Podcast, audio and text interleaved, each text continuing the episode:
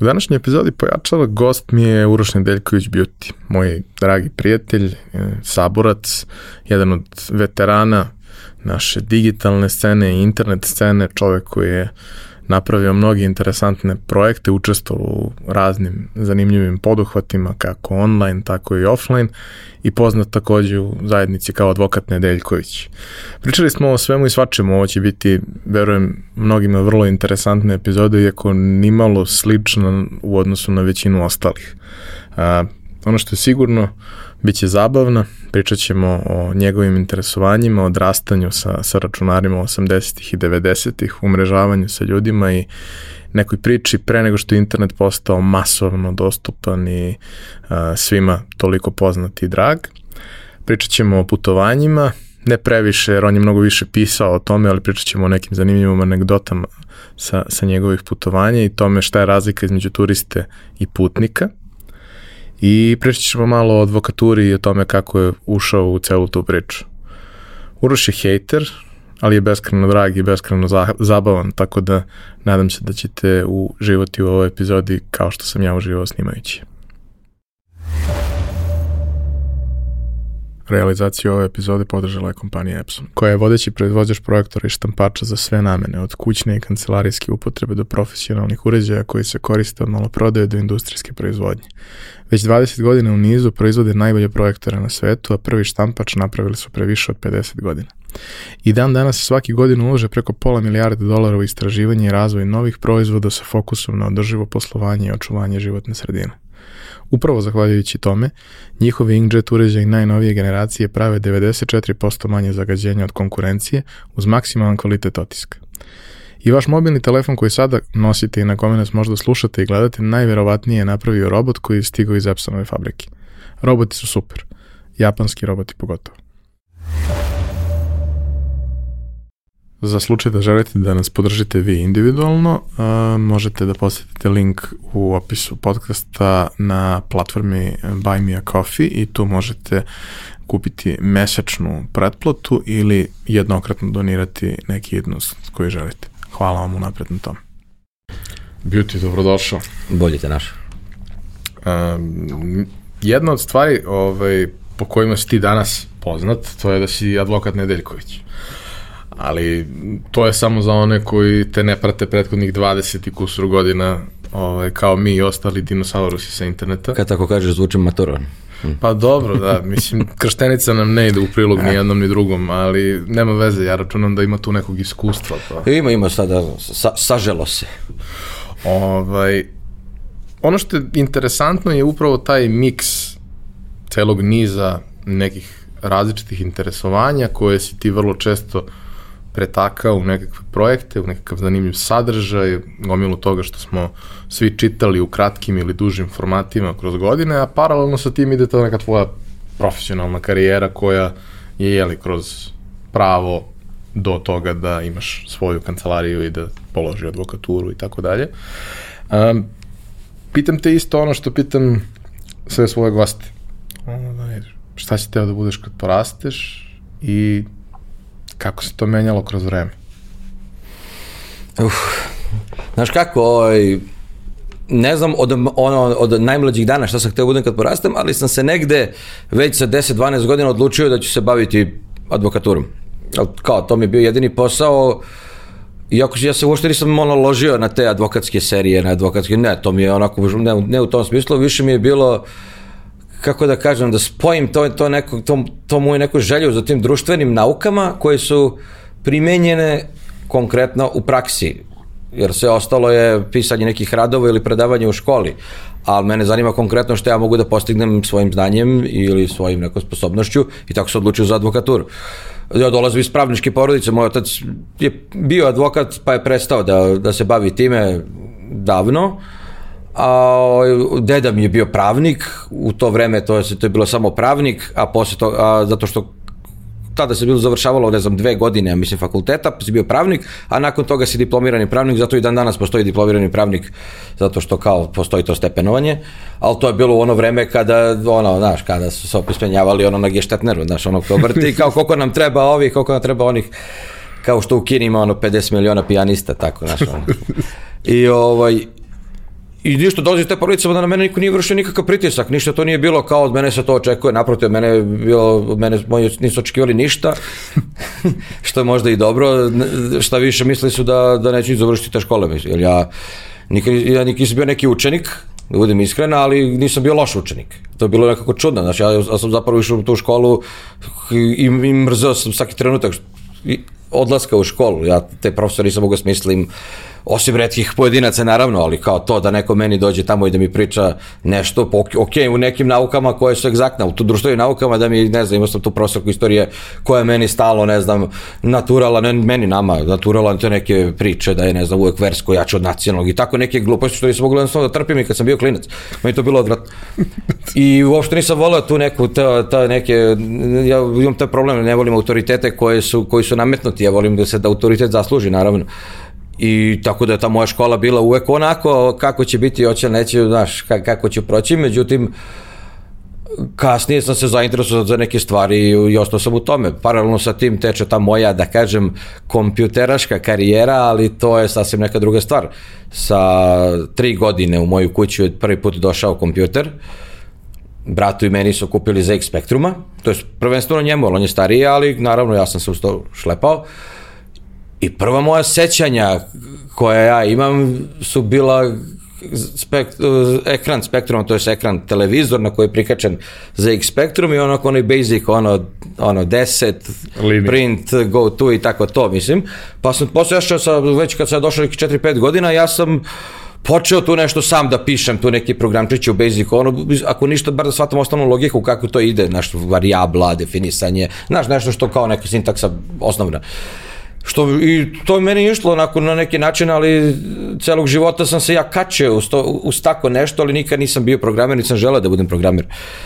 E, kasnije, naravno, da klinac igraš igrice, pa onda menjaš kompjutere, pa onda nakon toga posle ZX Spectruma 48K, bio je ZX Spectrum 128K plus 2, to je bio ono kad je Amstrad kupio Sinclair kompaniju, pa je, pa je, pa je, pa je to bio Spectrum sa ugrađenim kasetofonom, što je kao bilo olakšanje, onda nakon toga je došla Amiga 500 i to je zapravo bilo prvo ozbiljna mašina, prava mašina, pravi kompjuter, ako tako mogu nazvati, sa operativnim sistemom, sa, sa onom, gde je meni ono tu, znači, u glavi mi se počeo spajati kockice, šta to znači sistem, GUI, sve živo, kako to ide i tu je zapravo počela, počelo moje pravo zanimanje za kompjuter. To je bilo nekde 89. godine.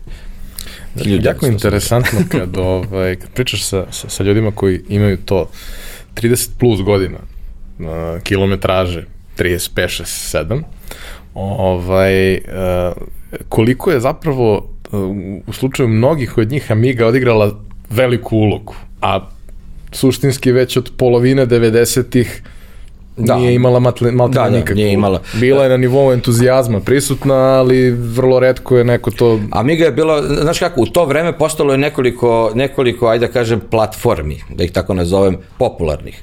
Znači, pored Amige, uh, bio je Atari, čuveni, i to je bio čuveni rivalitet između Amigista i Atarista, da kao mataristi su bili ono kao antivakcinaši, taj fazon, a ne znam, amigisti su bili kao gospoda, kao šta ti meni pričaš tu nešto. Pošto taj kompjuter bio inferioran u svemu, osim u, u zvuku. Zvuk je bio onaj MIDI, onaj čuveni, uh, njega su znači uh, Atari su koristili razni ti što su, što su, što su se bavili muzikom jer se mogu da programiraš tu kontroliše synthesizere kontroliše sve živo i to je tako bio zapravo Atari je za to bio odličan i su samo za to Uh, onda bio je Apple, ali on je baš bio slabo nešto prisutan i to ko, ko danas priča da je to ne znam bilo šta nije tačno to što je bar bilo ovde i u Evropi. U Americi druga stvar, mada i tamo. Tek posle je to zapravo sa povratkom Steve Jobsa zapravo to je krenulo, a, a uopšte kod nas su Apple, Apple kompjuteri imali oni koji se bavili DTP-om, znači pripremom za štampu i to je bilo otprilike to. I, ovaj, i bio je, ovaj, mi smo to zvali Kante, znači PC, to je bilo ono, znači, bukvalo univerzalna mašina koja je ono počela otprilike negde o, nakon 90. da uzima primat, jer ona je bila bukvalo poslovna mašina i to poslovno u najgorem smislu reći, ono najdosadnijem, najbanalnijem, ono računanje, neko prvi taj neki Excel i to to se tamo pojavljivalo i to su radili ljudi uglavnom koji su imali takve neke afinitete, ali tu slabo da je bilo to, ne znam, ne, bilo kakva vrsta umetnosti na tome, to je bilo smešno. Uh, bilo kakva vrsta igrica i to je bilo smešno, jer kao ko će da igra igrice na, ne znam, ono crno-belo ili, ili ono kako se zvalo, ono CG, ne, c, bio ono Herkules, Herkules. zelene, zeleni, ono kad, a ovo je baš bio CGA, to je bilo kao wow ima 256 boja, dok na Amiga, ne znam, 4096 boja, sa palete od 16,7 miliona boja, to kao ludilo, stereo zvuk, semplovi, znaš, to kao, i ovaj, E, međutim, sad dobro, sad, kako to već, i odličan operativni sistem, multitasking, to je bilo, znaš, to pre, to, znači, ja kad sam prvi put seo za Windows, meni bilo to glupo kao u fazu ne radi i sporo je. Iako radilo na mašini koja je, ne znam, u tom trenutku bilo 10-15 puta brža od ovoga, zato što je jednostavno bio bolji sistem, bolje urađeno, bolje programirano, uz sve svoje manje. Ja mislim da, im, da nije imalo memory management, pa je desilo se da pukne nešto, onda se restartuje kompjuter, nije, nema ono, pukniti task, pa kao, znaš, ne, nego je ono kao moraš restartuje, to je bilo, znaš. Međutim, sve to bilo predviđeno, koliko se ja sad sećam, priča na pamet, ali to se bilo predviđeno da bude u, u, u novijoj toj verziji Workbencha, to je tako se zvao Amigin taj sistem. Međutim, posle toga firma otišla u gubitke, ovo ono ko želi ima odlični dokumentarac, dokumentarac o tome na, na, ono, i na YouTube-u i možete pročitati ono, mislim, na NARS tehni, tehnici, da ima skroz ono, istorijat Komodora uopšte, kao kompanije, ono što se tu dešavalo. I zapravo to Amiga je bila ne, ono, nesrećna žrtva lošeg menadžmenta, ajde, ako mogu tako da kažem, inače neverovatna mašina ali šta je bilo dobro kod nje, mnogo kreativnih ljudi, meni glupo kažem kreativaca, to meni dan danas ne znači ništa, ali kreativnih ljudi koji su znali da se izraze na različite načine, pa makar to bio i humor, imali su Amigu i iz, iz toga je nastalo mnogo stvari, što u svetu, što kod nas, što, ne znam, ono, za filmove, za muziku i razne neke igrice, ljudi ne znaju koje su nastale na Amigi, pa to je igrice, mi što zvali to za video igre, koje su nastale na Amigi, to posle proširilo i tako dalje, mislim, može se tome uputiti, ali u svakom slučaju to, to, ta, ta mašina mene dosta definisala uh, ovako gošti kao osobu, stvarno, na, na, kako tako nauči da razmišljaš, neki 9 godina počeš tako da razmišljaš i sledećih 10 godina tako razmišljaš, pa ne možeš ti mnogo da, da odmakneš od toga u daljem životu. Uh, posle toga bilo normalno Amiga 1200, pa je tu posle bilo, ne znam, svašta se tu dešavalo posle sa tom Amigo, nije ni bitno, Amiga 4000, umeđu vremenu su bile te neke kartice sa proširenjima, znaš, to je bilo naš, kao, ako na, što bi danas, da danas to zove system on chip, što bi rekao, ali to si ti si imao, kupiš procesor, e, na primjer, ovo ima 6020, Motorola nije bitno, ti imaš 6030, tu ima ne znam još koliko memorije, ne znam koliko čega, bla, bla, bla, ko procesor i, i ti to gurneš dole i onda kao moliš Boga da radi, ali to su pravili ono što bi danas rekli kao i plastičari iz pazove, znaš, tu su bila neke firme, uglavnom nešto nemačke koje su to buđili, neki, ovo ono radilo je to, da li radi software, da li ne radi u tom trenutku, ne znaš. Ali to vreme je bilo, ja se sećam, mi se dogovaramo, pa ne znam, stigne, ne znam, taj neki zaboravim kako se zove, ali ima, imao je neki naziv, Motorola 6030 sa ne znam čime, imao je DSP, onaj čip, onaj zvučni, ovo ono, i onda, i onda dolazi drugar iz Zemun polja, negde, piše da je bilo 96. Kod mene provedemo ceo vikend da mi to testiramo, da imamo kako radi, da to ovo, da to ono. Piše, to su bila ta neka pionirska vremena, mislim, nisu to bila pionirska, bilo je ljudi pre toga, ali za mene su bila pionirska i za današnje doba to Pa kao, gde ti sediš i razmišljaš o nekim stvarima, kako ide, pa džamperišeš, pa da li ovako, da li onako. Mislim, to je veoma zanimljivo bilo i, i ja se nadam da, da će jednog dana tehnologija opet postati zabavna, ne ovako, mislim, danas je to dosadno, šta danas ideš, klikćeš. to je sve. Ja se sećam pre par godina, mislim da sam pričao to u nekom od prethodnih podcasta, ali sećam se pre par godina drugarica koja traži savet koji laptop da kupi, kao, brate, više niko ne zna šta da kupiš, niti znam bilo šta o komponentama. Ja sam prešao na Mac, kao, brate, odem, kupim najskuplje što novo izašlo i znam da sam dao beskonačno da, da, da. para, ali mene boli glava i kao to je to. I sad ona kao koji da kupim i sad dajte četvorica veće mudraca, šta je najbolje za tu količinu para, za ovo, za ono, šta ti je bitno da bude lagan, dobro, znači to uzmem, ne? I napravimo mi neku matricu, ono kao, evo ti, ovo su ti tri opcije dolazi, ona kupila kompjuter, kao, vrate, ovo, ovo nema veze sa onim što smo ti rekli. Pa nema. Ali lep je. Crven je. E, to. E, dobro. E, pa to je, to je zanimljivo. Ovaj, u jednom trenutku, u tu, u, da kažem, u telekomunikacije, što se tada tako zvalo, negde, ja ne znam, to mogu reći, ne znam, ali negde malo tu, negde na prelazu oko 2000, 2000 počinju se uključuju masovno i žene, što je logično, tako mislim, nije, niti je zabravio, niti je čudno, ali jednostavno pojavljuju se. I onda da vidiš kako se to sve menja. Sve to odjednom su smajali i postaju grafički. Kao.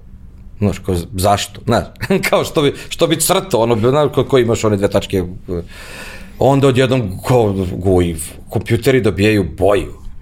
Znaš, jedno vreme pojavio se crni kompjuter. Sećaš se, bili crni kompjuter. Ko, zašto šta će crni kompjuter? Uklapa mi se za šta ti, ko šta uzmeš, ono, tastatura bila siva i to je bio industrijski standard i zdravo i sve sivo. Bilo, i, bilo je sivo i ako mu daš dovoljno vremena, ono požuti. požuti ako se dobro. puši i to, da. ono. Kao to je to. Pa onda ono sirće, ski, ošrafiješ sirće u kadu, pa riba i pa znaš, to je bilo svašta. I, ovaj, i pojavljuju se u svakom slučaju to, ovaj, uh, taj način i, on, i onda, i onda kad ti vidiš kako se to sve menja, znaš. Umeđu vremenu sa baš ono sa, sa poplavom telekomunikacije, pričam poplava, ono modem pao ispod 500 maraka.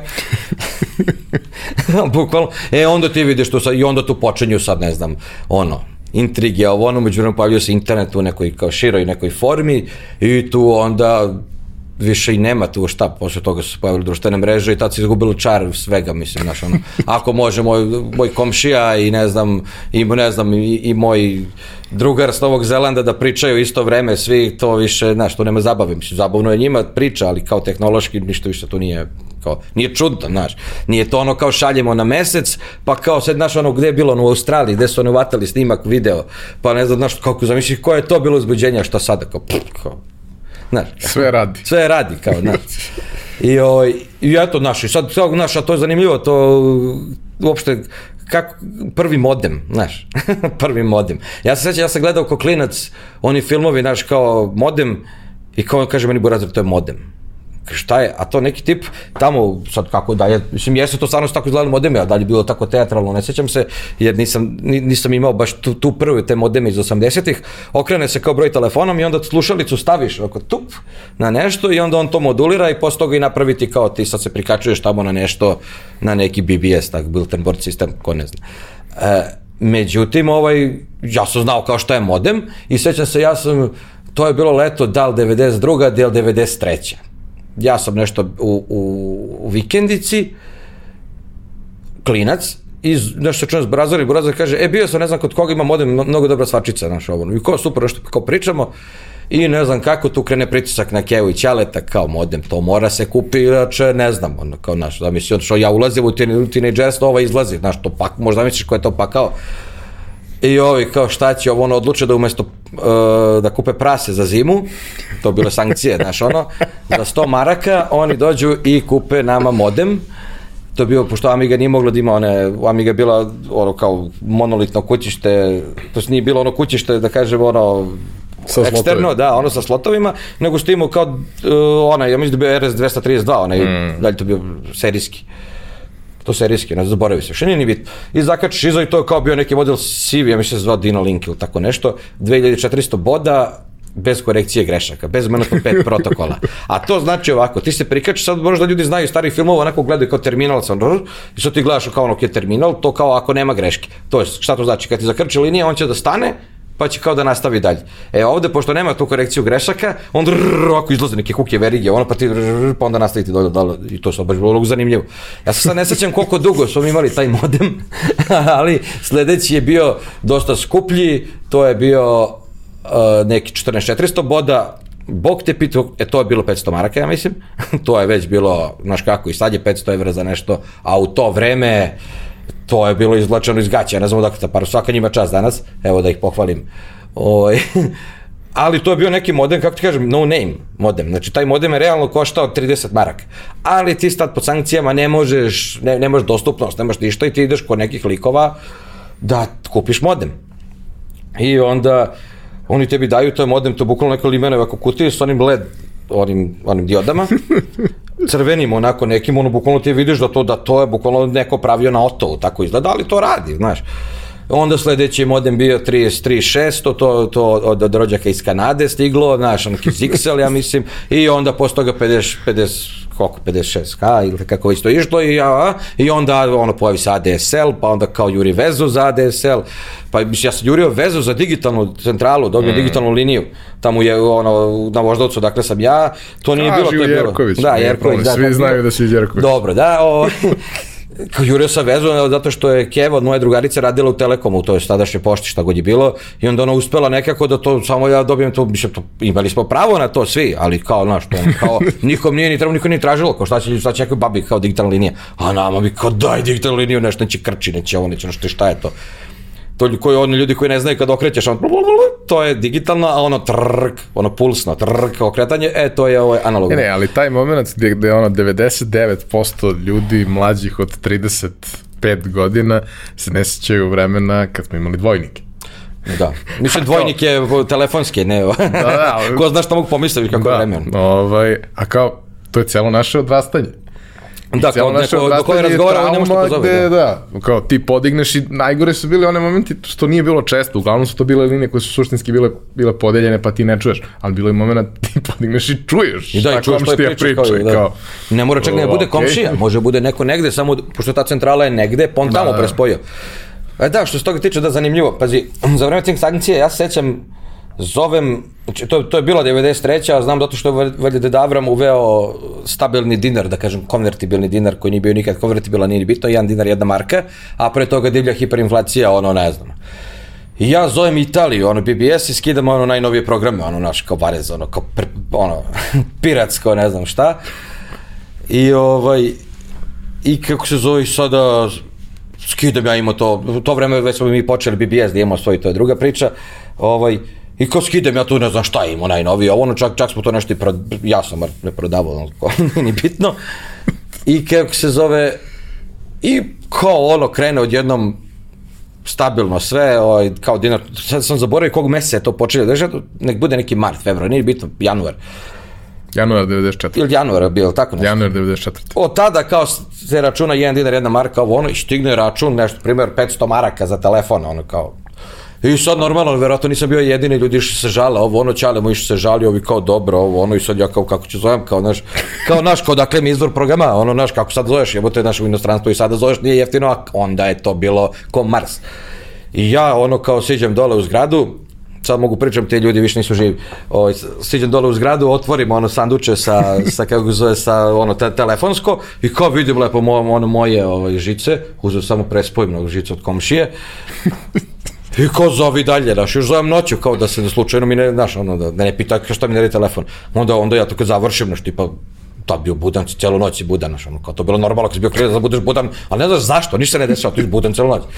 I ne znam, negde tipa ono, ne znam, pet ujutru, ti siđeš dole, vrate žice, sve ovo, ono, i kao, znaš, nastaviš, kao se, tvoj babi radi telefon, njima radi telefon, ti nik, niko ništa provaljuje. I sad ovi, vratu, ko zna koliko se pizdali, izvinjam se, koliko su se nervirali, što, kojim stižu tele, kao telefonski račun i kažu, pa vi ste zvali ovo, koliko sam ja zvao, znaš, ovo, ali nema vezu, ja sam dalje nastavio. I tako neko ne se nastavio, ali međutim, među vremenu se ta scena iskristalisala, jer mi kad smo otvorili taj BBS, koji je za underground BBS, uh, je, to se radilo na Amigi, ovaj, su onda, naš, ljudi šalju nešto, ski, kako to bilo, ti šalješ, te, te neke programe, to bi danas zvali aplikacije, ovaj, šalješ programe, ovaj, neko skidaš, znaš, ono, kao skineš ovo, šalješ ono, i on si imao taj kredit, ja mislim da je bilo 1 prema 3, nešto, kao, pošalješ megabajt, možeš skineš 3, tako nešto bilo. Bilo je to, bile su te konferencije za razgovor, to je zanimljivo, to je preteča foruma i svega, I bilo je da zoveš SISOPA, to je sistem operator, ti ga zoveš, te bi to pinguje, kompjuter, pinguje kompjuter i onda kao četuješ sa nekim ako hoćeš, znaš. I, ni, I nije bilo ograničena sesija, možeš celu noć, ali to ti važi po ceni običnog telefonskog razgovora. I zato su to svi bili, od 10 uveče su svi ti BBS-ovi radili na kućnim telefonima, znaš, ja sam imao prekidač, gde ono kao prvo ide do moje sobe, e, ži, telefonska žica ono kako izide i prvo ide do moje sobe, pa ide kroz, na taj prekidač, pa onda posle toga jedan deo se nastavlja tamo, a drugi deo ide direktno u modem. I onda kao naš tebi kad zove, ne, ne zvoni telefon tamo, on mi se ne zvoni pravi telefon nego samo zove modem, modem se javi i tako to. I isto u to vreme, da, da sad ne skače s teme na temu, ali zaboravit ću, bitno je bilo zato što ti te modeme mogu da programiraš koliko brzo oni okreću trr, brojeve. Znaš, ono, te digitalne centrale nisu, nisu imali svi, plus si mogu koliko brzo okreće brojeve. I ti to kad isprogramiraš tako, to je bilo super kad zoveš radio, pa bilo neke nagradne igre. I kao ti trr, okreneš, ono tipa ono okrene, ne znam koliko puta se prekine, okrene, i ti dobiješ. I mi su tako jedno vreme dok oni nisu provali, pa je to posle bilo, ne znam šta su oni radili, da su tražili nešto od Telekoma, da to nešto ne može ili da oni uspore, da ne prepoznaju ne tako brzo, nešto je bilo, ali je bilo super nešto to vreme, kao to bio raj, znaš, ono, kao, ko je znao, znaš. Ali, znaš, ali bilo zanimljivo, znaš, kao ti, znaš, ja sam tak, eto, od tad sam ja krenuo da se bavim time, znači, naravno, moj, moj brat je bio uz to uvek, posle toga njega manje to počelo da zanima, ja sam nastavio u tom nekom tele, telekomunikacionom okviru da, da, da radim i živim i poslujem posledećih A, x e, godina. Ceo taj moment e, koji se dešava pre mainstream dostupnosti interneta, koja, ajde da kažemo, počinje 95. 6. pa al, realno je od 2000. Od 2000, na ovamo, da, pre ali toga je kažemo- bilo ono, znaš, Dobro, pre toga si mogao da odeš da kupiš sate. Već je to bilo nešto što je javno dostupno. Bilo je prvo, prvo, ko- ako se sećam, bilo je ono uni- univerzitetski centar, je imao onaj RCUB, on je imao neki nešto besplatno, ali zoveš 30 minuta je bilo po sesiji, tako nešto, pa ti pukne, pa ti zoveš opet, pa tako je nešto bilo. To je bilo kao besplatno i kad se pojavio EUNET, ja mislim da su oni bili prvi, to je bilo negde već 96. i to je bio kao prvi komercijalni internet. Pre toga bio Sezam Pro, on imao e-mail, samo mail server valjda, gde sam ja imao svoju prvu mail adresu, ako se sećam, to je bila zajednička kao brezor moja, ali, ali šazalakazu at sezam.co.ju, ja mislim da je tako bilo, zaboravit ću. Ali tako nešto bilo. To nam bio inače i nik na, na, na BBS-u. Um, u tom periodu, dakle, pre nego što je web nešto vrlo opipljivo, vidljivo, taktilno, što kažu, Da. ovaj, postoji ceo taj neki uh, period u kome je to nešto gde se okupljaju entuzijasti, tehnološki entuzijasti pre svega, koji međusobno komuniciraju opet na, na hiljadu tema, ali podrazumeva da imaš određeno tehničko znanje, razumevanje da bi mogao da, da, da uopšte uđeš u bilo kakvu vrstu diskusije. I sad, kad je Slobo bio, Slobo je pričao istoriju srpskog interneta posljednjih 500 godina i Od Vuka od. Turaka do, do danas. ovaj, I naravno ceo taj, da kažemo, razvojni deo je, je, je pokrio, pokrio i neka svoje iskustva i vi se znate još iz tog perioda ovaj, kao, kao starosedeoci srpskog interneta. A, kako je to iz tvog ugla izgledalo? Prvo, šta, šta je postojalo sve od uh, BBS-ova? Drugo, kao, ko su bili ti neki ljudi koji su tu bili prisutni? Kako je to funkcionisalo iz ugla korisnika, jer tu kapiram da danas niko ne kapira kako zapravo Da, da. tehnološki funkcioniše cela stvar. Znaš kako, e, samim tim, mislim, tehnološki, znaš, to je sad zanimljivo kad kažeš tehnologija, to sada, znaš, ono, svaki u, u glavi neku predstavu o nečemu, a ne kapirajući da u to vreme je baš bilo ono, testiramo da li može da, da pusti MP3. Znaš, kao, pa onda kao, možda pusti, kao da li može da grebuje MP3, znaš, pa kao koliko mu treba da ono CD traku pretvori u MP3 zapis i sad ti birao, znaš, danas niko nema pojma da MP3 ima, ne znam, 15 vrsta kvaliteta, ne znam čega, kao, znaš, to bilo, sad ti optimizuješ, ne znam zašto. Ključno da bi ti... pitanje je bilo da li pesma može da stane na floppy. E, da, da, da, može da, da, e, pa to je to. I, ovaj, I onda, znaš, to je bilo, ja se sećam, znaš, i sad zamisli koje je to doba bilo, kada mi sedimo i kao pričamo, kao možda zamisliš, ne znam, Snake iz, iz, iz Sremčice, ima narodnjake na MP3-u i mi kao, pf, koji je, znaš, kao u to vreme, znaš, kao, kakvi narodnjaci na MP3-u, znaš, kak je to, u to, mislim, ja i dalje isto, imam isto mišlje prema narodnjacima i prema ljudima koji ih slušaju, ne bi imao veze, možda sam ono, kako se to kaže, kulturfašista, kulturelitista, ali bože moje, pokrenite neki postupak ako vam se ne sviđa. Ali, ovaj, ali, znaš, to je bilo tako vreme da kao, pa zamisli to kao, je, kao bi to može, znaš, kao vidi ovaj kao, znaš, sa, sa traktora na MP3. Ali to je tako zapravo i bilo. I, ovaj, i baš zato što ti kažeš kako je bila tehnologija takva, znaš, dolazili su neki ljudi. Ja se sećam, prvi neki BBS-ove, mislim da se zvao, na primjer, Sledgehammer.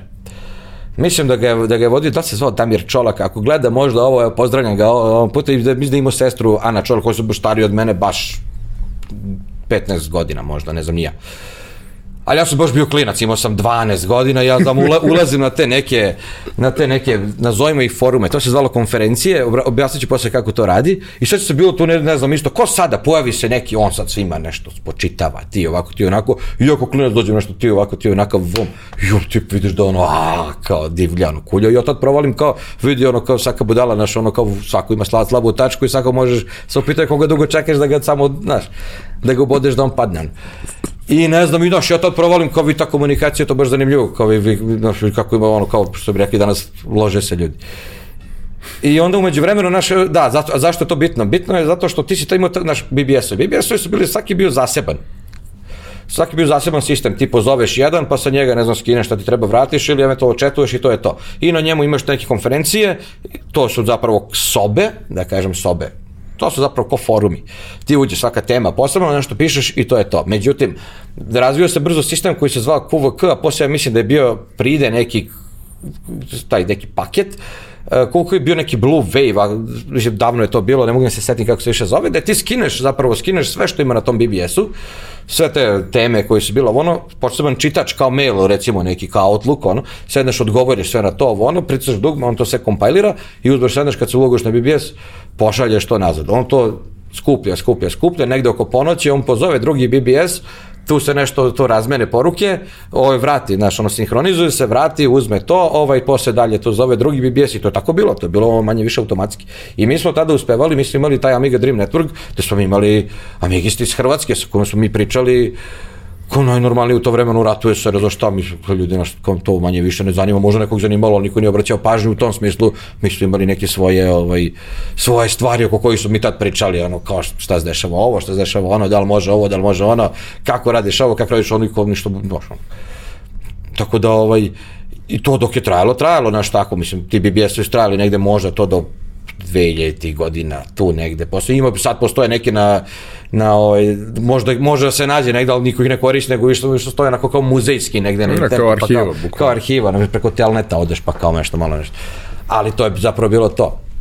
I onda ovaj, I, i, i, i tu se, znaš, su, umeđu vremenu su, znaš, tu su bile sad demo grupe, scenske grupe, ja u njima nešto nisam pratio, ja sam, kao, bio sam član neke grupe, ali nisam ja tu bio nek, nikakav, ne znam, kakav umetnik i nešto, a sam više to kao podržavao tu priču sa strane, znaš. I ovaj, tu je bilo dosta, mislim, ono kao Corrosion čuveni, oni su bili baš, uh, ne znam, i bilo je to još grupa, ne mogu ja se više setim, ono. Ali dosta, dosta tih ljudi je na kraju ovaj, postalo dosta što ono vrhunskih programera, vrhunskih dizajnera, vrhunskih svega. Svi su počeli u takvim nekim, u takvim nekim vodama i u tim nekim pionirskim stvarima.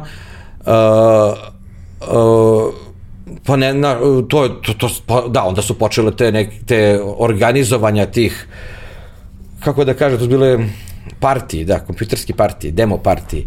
I onda ti odeš tamo, poneseš kompjuter, su se stave stolovi, sedi se, nešto se buđi, kopira se, snima se, gleda se, poda takmičenja. Mislim, to je bilo baš zanimljivo. Hakaton i pre 30 godina. Ma da, da, ma jako kako to, to je taj problem što ljudi misle da sve počinje danas, znaš. I ko naš ti gledaš, on ti priča nešto i ubeđuje on tebe nešto tamo, ti kao, alo čoveče, znaš, pa vidi, on ima to. Ja se sećam kad sam vidio prvi digitalni aparat 99. godine.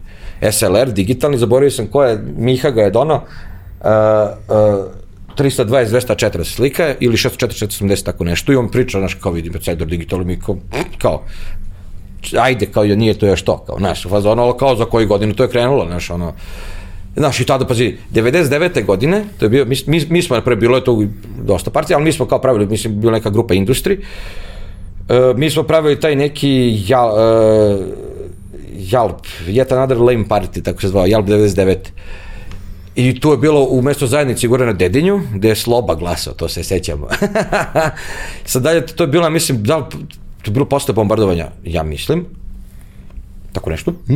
ko će seti, u svakom slučaju to je bilo tamo, ono što ti sediš i kao, znaš, to se buđi, to se radi, to se zezda, i baš bilo dobro, znaš, ono, ljudi su tako poznavali, bilo onako veselo, znaš, zapravo nije bilo tog nekog, uh, kako da ga nazovem, interneta u tom nekom smislu, da ti sad sediš, mislim, tad je postao internet, ali, ali nije bio korišćen ta, u toj širokoj meri, tako, nego, nego no, ti, ti, ljudi vide ako objavi negde poziv, doći ono i sad ljudi dolaze, znaju se međusobno tih, da kažem, tih konferencija, ali kao ode se tamo i onda kao ti su upoznaš nekim, družili se i dan danas ja se družim s nekim ljudima koje se upoznaju iz toga doba.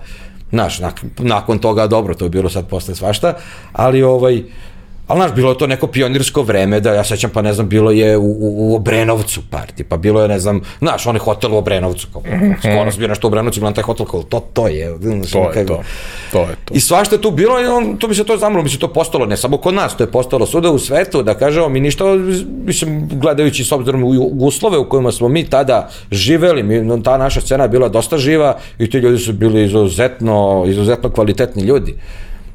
Na, ono, kao, to je, to je neverovatno bilo, ko, naš, je, a to nije bilo kao, znaš, ti si odrođen, ti sad sediš tu i ko ništa ne zanima strane, ti si, znaš, nisu to tad bili toliko ti gikovi, mislim, bilo ih je, ali kao znalo se otprilike šta je, i naravno, cela, u, u to vreme cela Srbija, znaš, ja sad znam ljude iz cele Srbije koji su bili iz Subotice, iz Avde, odande, sećam BBS koji je zvao Kučevo, ali se zvao ono Kucke, duplo V, duplo V, O, Kučevo, čovjek držao BBS u Kučevu, se zvali, znaš, ono, Kao bilo je to, znaš, žao što nisam stigao kasnije da upoznam sve te ljude, jer kao, znaš, život te ono raširi, znaš, ali nekad se neko javi, negde sećaš ti mene, ja ovo, znaš, kao da prepoznaš, ali kao veoma je to dobro bilo i sad, sad zamisli kad si ti taj život završ, završio 2000. godine, pelike 2000, mislim, mi prečemo nismo još ni došli od 2000. godine, znaš, ono.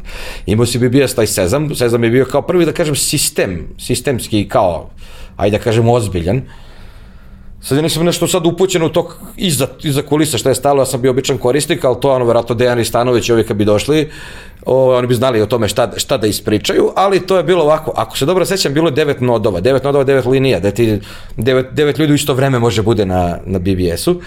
I tu je isto to bilo neka, neka razmena softvera, ovo ono, i chat. E, tad je prvi put bio ono chat sa više ljudi. Znaš, i ti sad sediš nešto i četuje više ljudi međusobno i sad to je baš zanimljivo. Pre toga to je, to je moglo eventualno ako si ti imao uslovim dve linije u kući, pa ne znam šta, ono to je stvarno bilo ono raritet, ali ono tamo u, u taj BBS, to je bilo ludilo.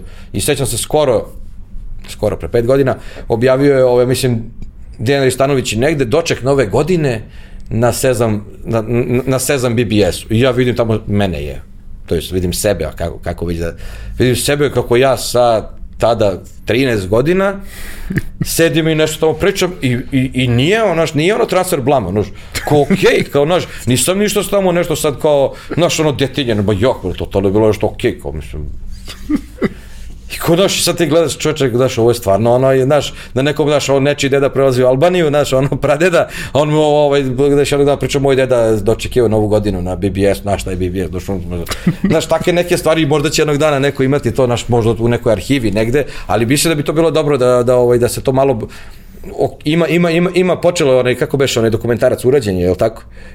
Ovaj, o, o, tim nekim, o tim nekim pionirskim, pionirskim stvarima. Bilo je, da, nekih stvari već ima, da. nekih stvari... Ali treba tu nema. još, znaš, zato što tu ti si imao paralelno tih scena mnogo, po Srbiji si imao, po, po bivšoj Jugoslaviji pre svega, a, a, i što neću, ljudi su sarađivali u to vreme po celoj bivšoj Jugoslaviji, ako se Jugoslavija definitivno raspala i rat je još traja.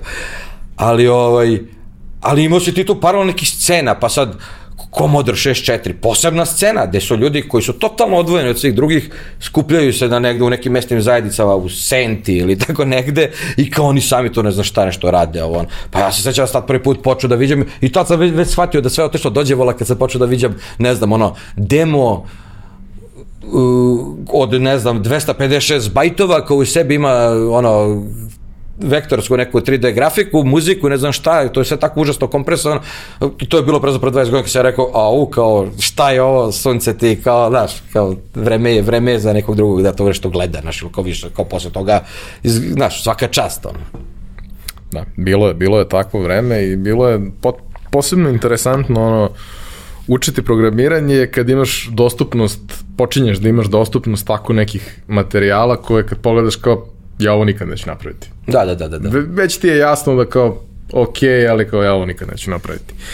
Uh, jedna od prvih stvari po kojima si ti, da kažemo, e, došao u mainstream popularnost uh, je projekat Srbovanje, koji mm -hmm. je mhm. bio tada negde početak 2000-ih. Da, da. Uh, i koji nije baš nešto mnogo dugo opstao, ali su njegove uh, tekovine, tekovine, tekovine još traju. Da. traju da. i dalje i mislim odjek uh, iza tog da, projekta da. je trajao jako dugo. Šta je bilo priča sa srbovanjem? Redko ko se njega sad i seća, što je dobro. priča srbovanja je bilo zapravo, nas trojica smo to radili. Sad ako, sad, ako ja mogu sad tačno da se setim da kako je to nastajalo, ali ajde pokušat ću najbolje. Mi smo sad trojica, naravno, amigisti, to je bio i DJ Nik, Nikola Tomić, Ditronik, koji je nastavio dalje svoj rad po poznat je po ovom ide ide zmija i mama, zed, voli, ma, bebu. mama voli bebu i to i dalje voli Amiku i dalje voli Amiku po normalno Amiga se uvek voli ovaj onda Vladimir Zidar takozvani Mr. W mrv on je, on je radio taj programerski deo, jer on je uvijek bio programer i ko je sve, ovo je bio dizajner, a ja sam bio ono što se kaže, ne znam ja šta sam, ali sam ja to bio nešto dirao, držao to da se ne raspadne. Međutim, međutim, znaš, to je, to je počelo od toga tako što je, koliko se sećam, Nikola išao on iz Valjeva, znaš, on je išao i tako fotkao i kupio prvi digitalni aparat i išao i fotku tako to po gradu, ne znam šta, i onda kad je video kao, bože mi sad čuješ šta je ovo i kao, ajde mi napravimo i to se sećam, uh, kad je on poslao te slike na, na, na, na, tu, na, na neki od tih neki, neki naših mreža i rekao vidi srbovanje. Ono. I mi smo se smejali, ja komentarisali i sad nekome, ja mislim da je meni palo na pamet da napravimo kao sajt, ajde da napravimo mi sajt o tome pa da krenemo. Ono. I, ovo, i napravimo mi sajt, napravimo forum i to krene tako i onda kao to treba neko da moderira, znaš, ne mogu ništa, ja srećem bio student, mi se radio se ja to vreme paralelno svašta, ali sam kao imao vremena, znaš. I kao krenem ja to da moderišem i umeđu vremenu to preraste samo sebe to preraste do tog nivoa da, da smo imali posjeta, ja se sećam, to je na primjer 2003 ili 2004. mi smo bili nešto deveti sajt u Srbiji po posjećenosti, na primjer tako nešto. Ludilo, ludilo, pazi, to je bilo vreme pre Facebooka, pre ničega, što ono, znaš. Od čega sastoje sajt? Sajt se sastoji iz tih, da kažemo, fotografija bizarnih, to danas ima svuda po internetu, ovo, ono, ali u to vreme to ljudi moraju sad, to nije postalo. To nije postojalo i bukvalno je nastao termin srbovanje da, da, koji je da, da, opisivao te ono bizarne arhitektonske da, da, da. momente, sve, znači, to je bilo, to je bilo, znači ono, mi, mi smo ono, kako to su te kategorije, bilo dobro, ja sam bio zadužen za taj malo copy, ono što, kako se to danas zove, copywriting, ono.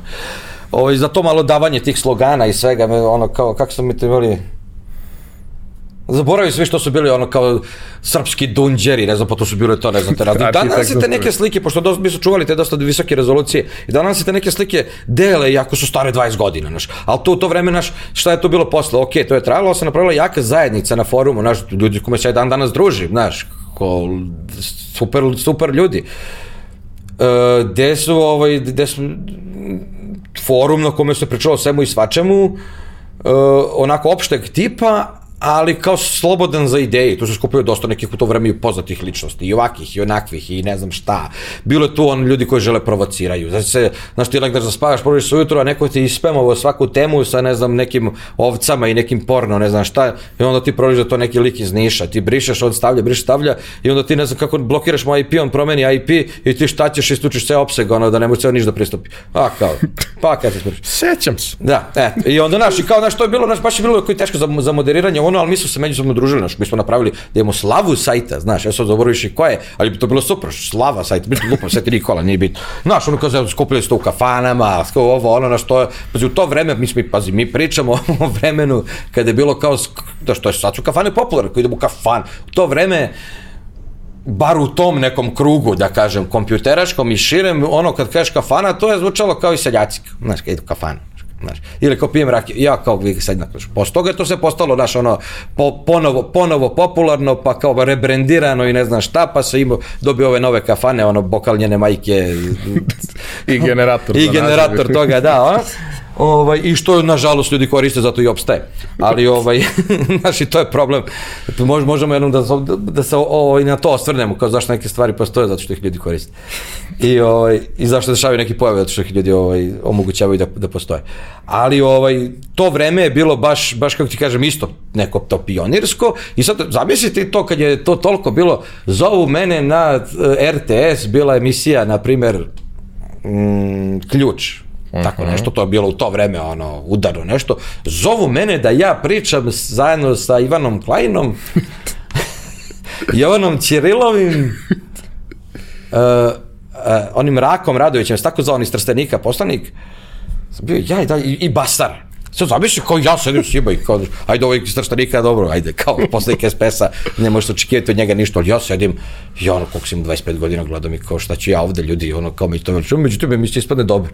I posle toga se ono, kao navala na sajt, ono, ne znam šta, mene zovu dećke, babe, deda, što svi te zovu svi kao odjednom, znaš, kao ovo, ono, to je to, znaš.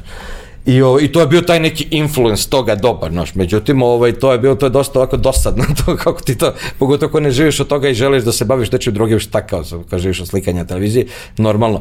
E, vremenom, naš, mi, mi smo kao prestali, nešto se mnogo bavimo srbovanjem, ali šta je to bilo dobro, kada imao si potpuno slobodu, jer mi smo to radili nekomercijalno, bilo je nekih ideja da ćemo komercijalizujemo, da li nećemo, Međutim, i dalje sam ja tog stava da je sramota zarađivati na ljudskoj nesreći i ljudskoj gluposti. I dan danas mislim da kogod time se bavi u smislu tog šireg društvenog delovanja da je to jedna velika sramota, ali dobro. I, ovaj, I mi to nikad nismo unovčili i nismo se time nešto bavili, ali nam je davalo slobodu da radimo bukvalno šta hoćemo. Tako da kad se ljudi posvađaju, mi dođemo ugasimo, ne znam, bi, ono, ugasimo forum na tipa tri dana. Da, kad se smirite i vratite se. I onda ovi za telefonom molite upali. Ne znam, kao ti kao šta se dešava. Znači sam rekao, kao, ugasi Facebook evo gasim Facebook na tri dana, da kad se malo smirite pa se javite.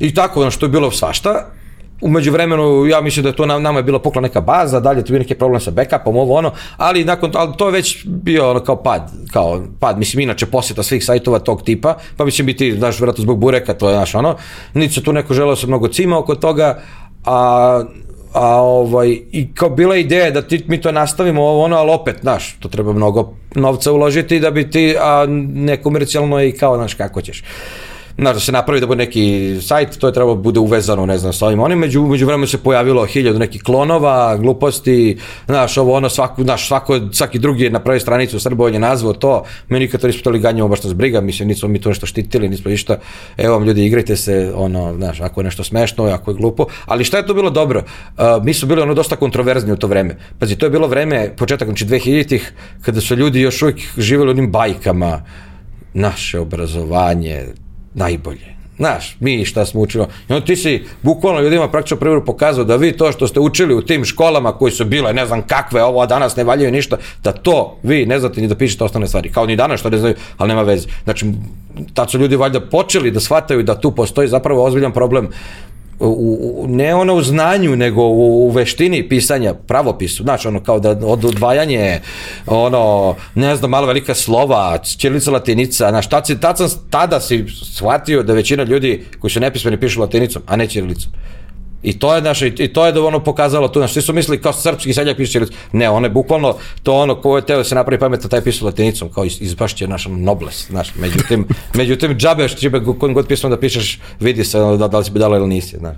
Ne može se ne može se to tako raditi, ali što, ali bitno je, bitno je, mi smo dosta toga radili kao promovisali smo ćirilicu ne iz nekih nacionalnih razloga, nego jednostavno ćirilica lepo pismo, br, brzo, brže se piše, brže se kuca, ko, koja koristi svakodnevno zna I, ovaj, I dosta je to bilo, zahvaljujući nama, mi, mi smo to održali, mi smo, bukvalno smo, možda smo vršili čak posao, neskromno reći, ali nekog ministarstva, zato što, znaš, kako kod nas, dok se uključe neke institucije, prođe 20 godina, dok oni shvate vrednost nečega, znaš, Znaš, ono, kao, kod nas institucije poču promovišu internet, ono kao, ono kao već Facebook postoji pet godina i svi ga imaju. Znači, a kao sad ćemo mi internet u škola. Deca, deca sede i gledaju je, znaš, ono, kao šta kao, znaš, obezbedili smo kompjutere deci, od deca, ono, kao, znaš, kao, sramota.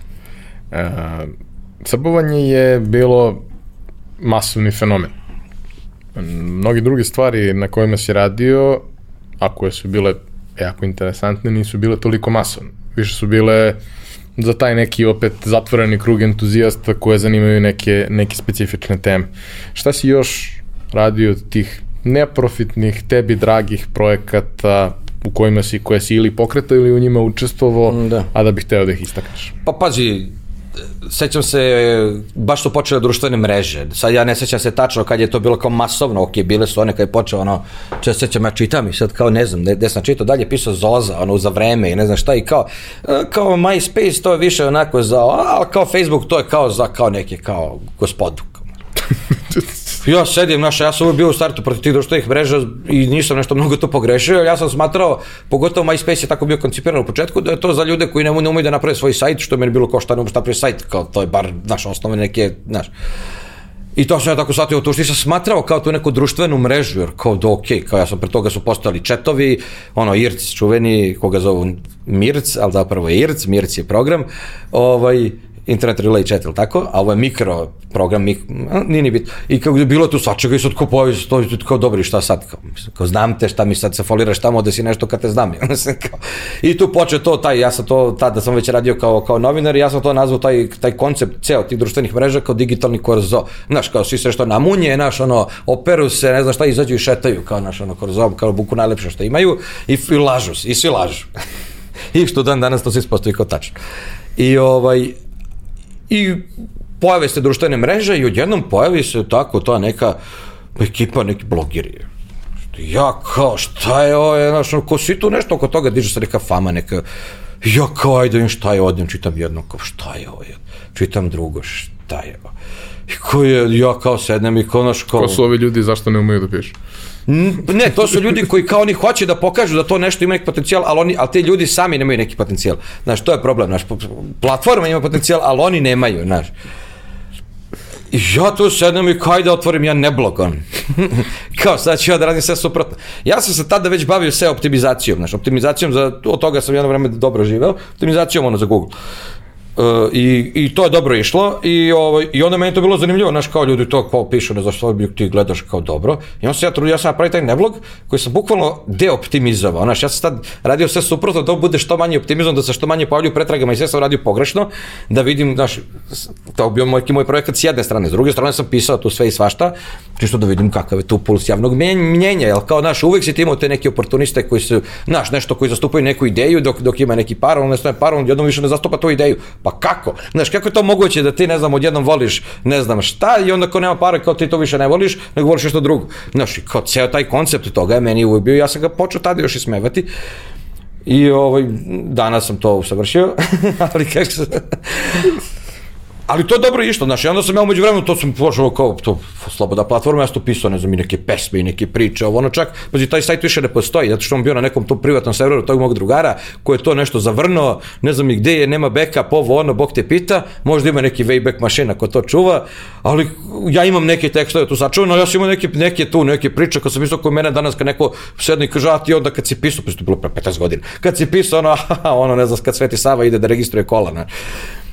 I, ka, i znaš, jako ja to se setim, da je, znaš, ono, tako neke priče. Sad se poslednje, što je bilo, ja mislim da je bilo 2013. sam objavio uh, priču o, o, o, kako se beše zvao, to je bio kao putopis, uh, gor, u, putopis kako se išao u Gornji Cloud kao da posjetim familiju, znaš. E, to. To je bio poslednje, ono gde se zapravo opisao stanje tadašnjeg interneta i sve te ekipe koji kao tad su bili start, startupovi, kao ovo, ono, znaš, kao ludilo, kao uzima ono što i sad viš, čuo to ovaj nepismen, jednom on ima startup, nešto priča, ti ono, gledaš ga, pojavljuje se negde, drži neke govore, ti gledaš čoveče, pa kao je od mene si prepisivo, a ja sam prepisivo. Znaš, sad kao je, znaš, pojavi se lik iz škole, kao, sad ti gledaš, u, znači, to je, znači, to je, znaš. I nakon toga sam ja to ono, kao i presto sam još pišemo kao totalno postalo besmisleno. Znaš, onda, onda, onda je u sve to ušla i politika, ušlo sve, ovo ono i kao tehnologija još nije zabavno, tehnologija sad samo način za bukvalno kako oteti budali pare.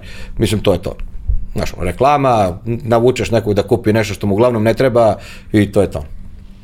Dobro, ali pisao si ti i, i mimo toga bilo je stvari koje si, koje si pisao za razne magazine, fanzine, pisao si neke ozbiljne stvari, Pa dobro, da, ja sam se bavio novinarstvom, ekonomskim novinarstvom, ali sam se bavio, daj da kažem, tehnološkim novinarstvom, ako se to tako može nazvati.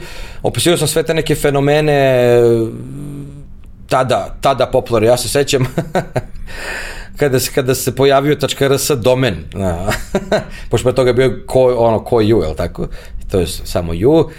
E, I onda to bilo kao cena u to vreme, 1000 dinara, znaš, kao za domen, ko, šta je bre ovo?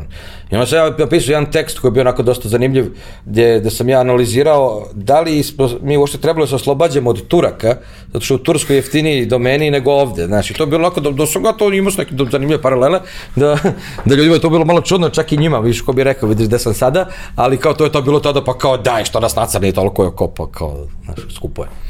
Srećom nije od tad nešto mnogo menjano, koliko se sećam, zaboravio sam, ali nije nešto drastično menjano. Cena je, standard je viši naravno sada, pa nije problem bio, ali u ono vreme, naš, nije to bila mala lova, naš, ono, da ti, naš, tek tako zakupiš domen, ok, možeš, ako si, ali to baš ono da sedneš, pa sad ću ja da pravim... Da ti baš spalo, da, da, da, kao, mora da ti baš stane, a sad onog tipa imaš 20 ono, rukavu, pa kao, ajde, o, gasi ovaj, ovaj, ono, ono, daj fakturu, da, uzmi sve ovo na jednu, stavi, znaš, ono, kao bukvalno trgovina, ono, sam sebi.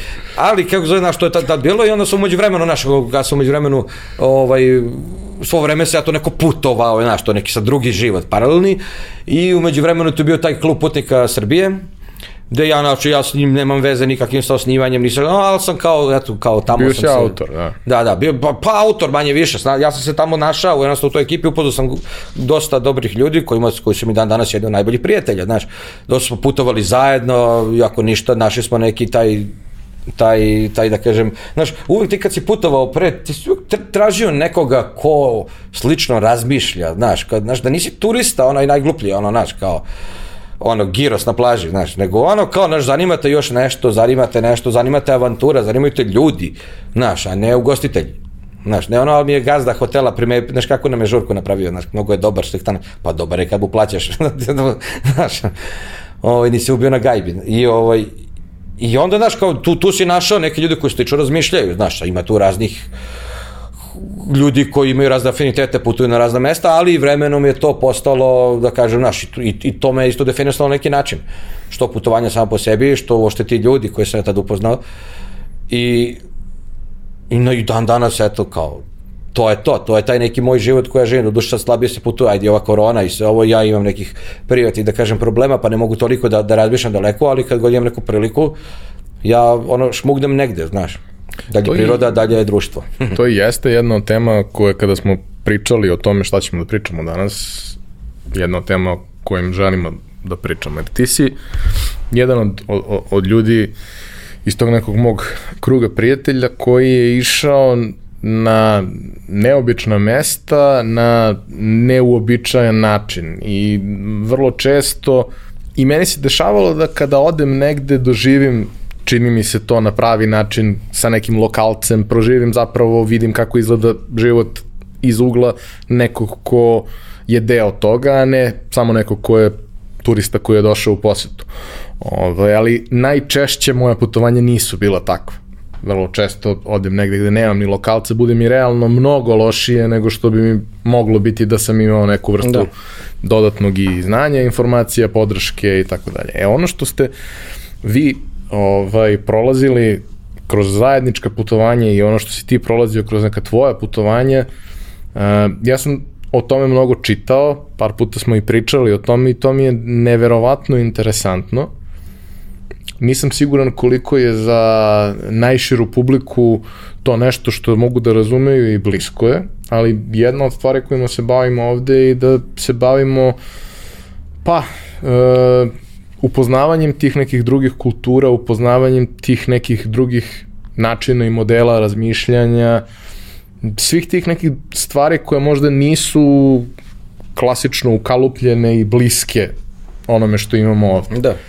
A, kada bi trebalo da odabereš nekoliko putovanja koje ćeš pamtiti ceo život, koja bi bilo, od kojih bi krenuo i zašto?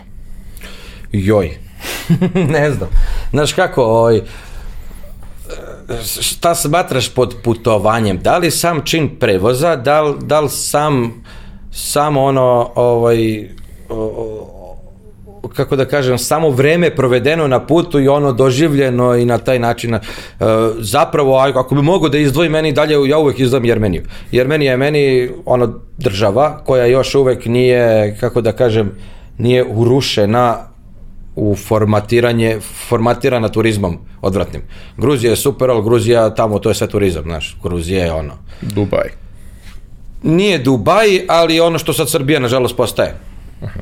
Znaš, ono, dolaze Arapi da vataju devojčice e, i tako ti razni, imaju klubovi za to, mm, mm, štipnu ovo, ono, to se dešava za kulisa, nema veze investicije, navodno. Ovo, i, i, I sve tako nešto, znaš, do, do, dolaze, do, dolaze zapadnjaci, jeftino je, znaš, jeftino je sve, jeftino, jeftino, jeftino, jeftino, ima droge, ima alkohola, to, to, mislim, to mene je ne zanima, ta, ta vrsta, kao da ja putujem da bi se kao provodio u tom nešto, ne, ja sam se super provodio u Beogradu dok sam ono bio baš ono što se kaže party animal, znaš, sumnjam da nekada neke stvari mogu čak bolje od toga, ali nema veze, u svakom slučaju živeo sam se u tom nekom smislu, čak i pošto sam i za to vreme putom, ja ono, ako, ako se se življam ovde, pa da idem, ja sam više tamo nek se življam, da vidim neki muzej, da, da vidim, da, da, da podemo neku rupu tamo, da neku iskopiru, da vidim nešto, znaš, jer, jer mnogi su stvari, znaš, ono, kao mi sve po, posmatramo tim nekim zapadnjačkim očima i civilizaciju posmatramo zapadnjački u tom nekom smislu, ali zapravo te neke civilizacije, a gluposti kulture koje su, koje su nama bliske, uh, su su nama možda na neki način i razumljivije od, od ne znam, nečega što se dešava u Edimburgu. Znaš, mnogo ti je, mnogo ćeš razumeti nešto se dešava pre u Jermeniji nego u Edimburgu. Što kulturološki, što na državnom nivou, zato što se možda države na nekom nižem civilizacijskom nivou. Nije to ni bitno, ali ćeš razumeti. Tim ljudima treba dati šansu, sve to, nego to je ono bilo, ja sećam, kažem nekom, idem u Jermeniju, šta ćeš tamo? pa ko šta, šta ću, mislim, kao, znaš, šta, ni se ne razumem, znaš. I tako neke stvari. Sad ima tu putovanja, znaš, koje, koje ono, svako je bilo dobro, ja dosta tih stvari nisam ni prosto, do, ja na, na dosta mesta ne želim da idem uopšte, što, što me ne zanima. Naprimjer, mene, mene neki delovi Azije uopšte ne zanimaju. Znaš, ljudi ono idu, ubijaju se da odu tamo, lome se kao da se slikaju na, ne znam, ne, ne znam, Laos ili ne znam šta, ok, ja bih to video, ali to mi nije prvo na listi prioriteta, pre bi otišao u Etiopiju nego u Laos, mislim, znaš. Samo što tamo je ono, znaš, tamo instagramično, ovo nije, znaš. I tako, znaš, ima to što ja više, imam neke avanture sa puta nego koje putovanje izvojiš, pa sve ti dobro, ja sam se provodio u Srbiji, super nekim putovanjima, meni je to nešto bilo, mi smo išli, sećam u Srebrenicu na Ćevape, to je bilo, to je bilo jedno od, pa, od zanimljivijih stvari, bolje to, znaš, ono, a tu ti je komšiluku, znaš. Uh, mnogi stvari su mi radili mi, ono, kao da smo prelazili smo u Mađarsku dok nije bilo ograde, znaš, to je bilo baš zanimljivo, posle toga se pojavila ograda, pošto drugar ima tamo negde plac, bukvalno I, ima neko, ajde da sad ne pominjem ni koje mesto, a u svakom slučaju groblje je i odmah iza toga, znači ono kao kako poslednja ploča faktički počinje, počinje Mađarska, znači je bilo ograd, bilo ništa, mogu si prođeš tamo pečeš roštilja, ono, i mi smo tu kao bi sedeli blejali, znaš, ovo ono zanimljivo, i ovaj, I onda kao, ne znam, ko seća se kako je počelo, on se kao pojavljuje, on, ono kao žile žica, ovo, ono, znaš, kao, on šalje slike, bio je tamo i pokazao, znaš, on, i kao, znaš, to je baš onako loše, znaš, jel ti kad vidiš, znaš, jel sve to dobro, uh, ajde to što je tu ta granica koja zapravo ne postoji, mislim, nevidljiva je to samo tako administrativna crta, sad je vidljiva, tako, ali ti onda vidiš da, kako zove, pošto je to nekada bila ista država, da kažemo, ta Austro-Ugarska, to je Ugarska, šta bi, šta bi to moglo da bude, kad ti vidiš da, koliko je to sve, znači, da vidiš put koji je samo presečen ovako, znači, jednom i kao to je druga država, znači, on je mislim presečeno, ali kao nema, nema dalje, znači, ne može, kad on priča kako je, ne znam, njegov deda tu sedne pa u baju ide, no, vozi, ne znam, nešto, znaš, baja to u Mađarskoj sad, a to već bilo kad je već postala kraljevina SHS. On nije bilo granice. Znaš, u tom smislu. I, i zanimljivo je to sa takvog istorijskog stanovišta, znaš, da šta neke lokalne te neke stvari su veoma, veoma dobre, znaš, ono. Tako da, znaš, sad ono, kao ti do, možeš da, da, da doživiš podjednaku avanturu, ne znam, u, u, u Meksiku ili, ili, ne znam, u Sjenici, znaš, ono. Dobro, jedna od stvari jeste to što si ti i sa nekim zajedničkim prijateljima i u raznim drugim aranžmanima zapravo i prilično temeljno proputovo Srbiju. Da, da. Što jeste nešto što većina nas koji ovde živimo propustimo da uradimo. Sve jureći to nešto dalje, što je, zapravo ni ne znamo šta sve ovde postoji. A šta sve postoji? Postoji mnogo toga, nažalost, i, i mislim da možda jedan moj najveći grešak u životu kad sam imao, ne verujem da je to zbog mene, u, o, da sam ja tome ne znam koliko doprineo, ali to što sam promovisao, toliko sam bio kao putujte vidite, zato što se to sad sve apsolutno uništava, ali do te mere da ono, da odeš negde i izgazite neka budala kvadom, kvadom, znaš, ono, kako, to, ako voziš kvad, to ti je kao, kao da si, ne znam, kao, da, kao, si, kao, to, je, to je stvar impotencije, znaš, ono, to je, to je ono, turbo folk boravka u prirodi vožnja kvada, znaš, i to se sad promoviš i sad ti vidiš, tu te neki ljude dolaze, voze ovo, ono, zapravo to je to, znači nema više, ne, znači nema više toga i, i nažalost imao sam sreću, ako je tako reći, nažalost, sreću sam vidio neke stvari koje još nisu uništene. I kreće se uništavanje ogromno Srbije, uh, ulože se baš, uglavnom je to, ne, mislim, sad ja ne mogu da prejudiciram, ali ono što se, što se i zna koliko toliko, dosta tu prljavog novca ima, dosta ima svega, laka zarada, korupcija i tako to je, tako da mi ono što smo imali od one lepe Srbije nećemo imati više, veće nemamo, a bit će još gore. Tako da volio bi da izbegnem tu temu, ali mogu reći da ima super stvari, ali to kao bolje da se plašim da kažem, jer sutra će se pojaviti neka budala tamo i ne znam, ono, ne znam, otvorit će kios sa palače, kao pa evo prošle godine, ne znam šta je bilo, ne znam, neki vidikovac na tari gde se ti penješ, kao ju, kao možda zamisliš ljudi se penju kolima, kao kaže jedna, mi smo ostavili kola na pola puta, pa ono kao put, ono koji je bio za, ono, planinarska staza, I onda kaže, gore nema ništa kao da na Vidikovcu, bože, nema ništa na Vidikovcu, osim kao samo neki krofne da se jede ti gledaš, alo, planinski vrh, kao ti su, znaš, i taj nivo, znači, to je to, znači, to je to da smo mi izgubili bitku sa civilizacijama, ti onda vidiš da kao, bukvalno da ova država, da ovi ljudi, to, to sam ja ono sve formatirao u, u jedan hashtag, ono, gde jesti, ne znam, ko, ko to prati, znaš, ono, šta je tu fora, pojavilo se to kad je počela korona, sad su odjednom svi kao, mi kao putujemo po Srbiji, mi ovo, ono, I onda ti sad ima tu neke grupe obskurne gde se, gde se pojavljuju tako neki razni ljudi koji ono ti vidiš, a to je bukvalno našo što kažu da pre koju godinu, pre koju godinu, do pre 50 godina niko nije izašao iz svog sela zapravo. seljaci nisu izlazili iz svog sela, ni ono kao eventualno do, nek, do, do nečega ako obrađuju neku zemlju i to je to. I onda kao poslije toga kad su eventualno pojavili neke opštine, ne, onda su onda odu tamo što završe i to je to. Znaš, ali zapravo celo život oni ne izlazi iz svog sela. Doktor im čak dođe tamo i tamo i sarane popije tamo. Jel tako? I to je zapravo ništa to nešto ne menja. Znaš, samo što oni sad žive u nekom gradu i što eventualno idu na posao, reći se nazad, odu jednom godišnje na more, vrate se nazad i to je to, ali oni ne putuju. Znaš, kao, to ako si se ti premestio iz tačke A u tačke B, ti nisi putovo, te, taj, to je samo premeštaj, znaš, ono. I, ovaj, i, i šta se to dešava? I ono, ti sad vidiš šta ljude zapravo zanima. Kao, daj da vidimo nešto, kao, mm, i da jedem. I to je to. Znači, to nema, znaš, mene ne zanima šta sam ja video. Mene zanima da ja jedem nešto. I, kao, pre, dajte preporuku za ne znam gde jesti, negde, i sad on da sedne tamo i šta će da naruči? Pljeskavicu. Ćevape koji će isti kao manje više kao ne znam tamo, tamo, tamo, jer to je to. Nisi ti se u neku lokalnu tamo, ne znam, pa da jedeš ne znam šta, neke specialitete lokalne, ne, nego kao, eventualno ako ima neka salata, pa ima više belog luka ili manje, pa kao, oho, znaš, ili alje ljuta ova paprika. Ali kao, znaš, oni će da jedu jedno isto, znaš, neće onda jede tamo, neke, ni to ovi to nude, znaš, i to je ta fora. I onda ti vidiš da je taj turizam zapravo je ono, ono kao bukvalno naj, naj, ono, posle droge, najgora, ono, on ne, nešto što može se desi jednom društvu. Ta, mislim, takav turizam, znaš, to je ono, znaš, to nije ni paradajs turizam, paradajs turizam je plemenita stvar, to su ljudi koji idu negde, ali kao jedva priušte, ali idu, znaš, znaš, i to je, meni najgore kad neko proziva paradajs turista. Pa ja sam paradajs turista. Ja sam paradajs turista. Koliko puta, ja odem na divlju plažu, šta ću ja da jedem na divlju plažu, da idem 20 km negde da jedem? Gde jest? Da. Ponesek sendviček, nešto ješću, a zar je bitno toliko, bre, ne, mislim, pa, znaš, vidi spomeni da bi trebao da smanjimo, ono, aj po pola njih, znaš, ali kao, na, I neverovatno je taj, taj, taj mentalitet tog nekog, naš, ono kao, jer šta je tu fora?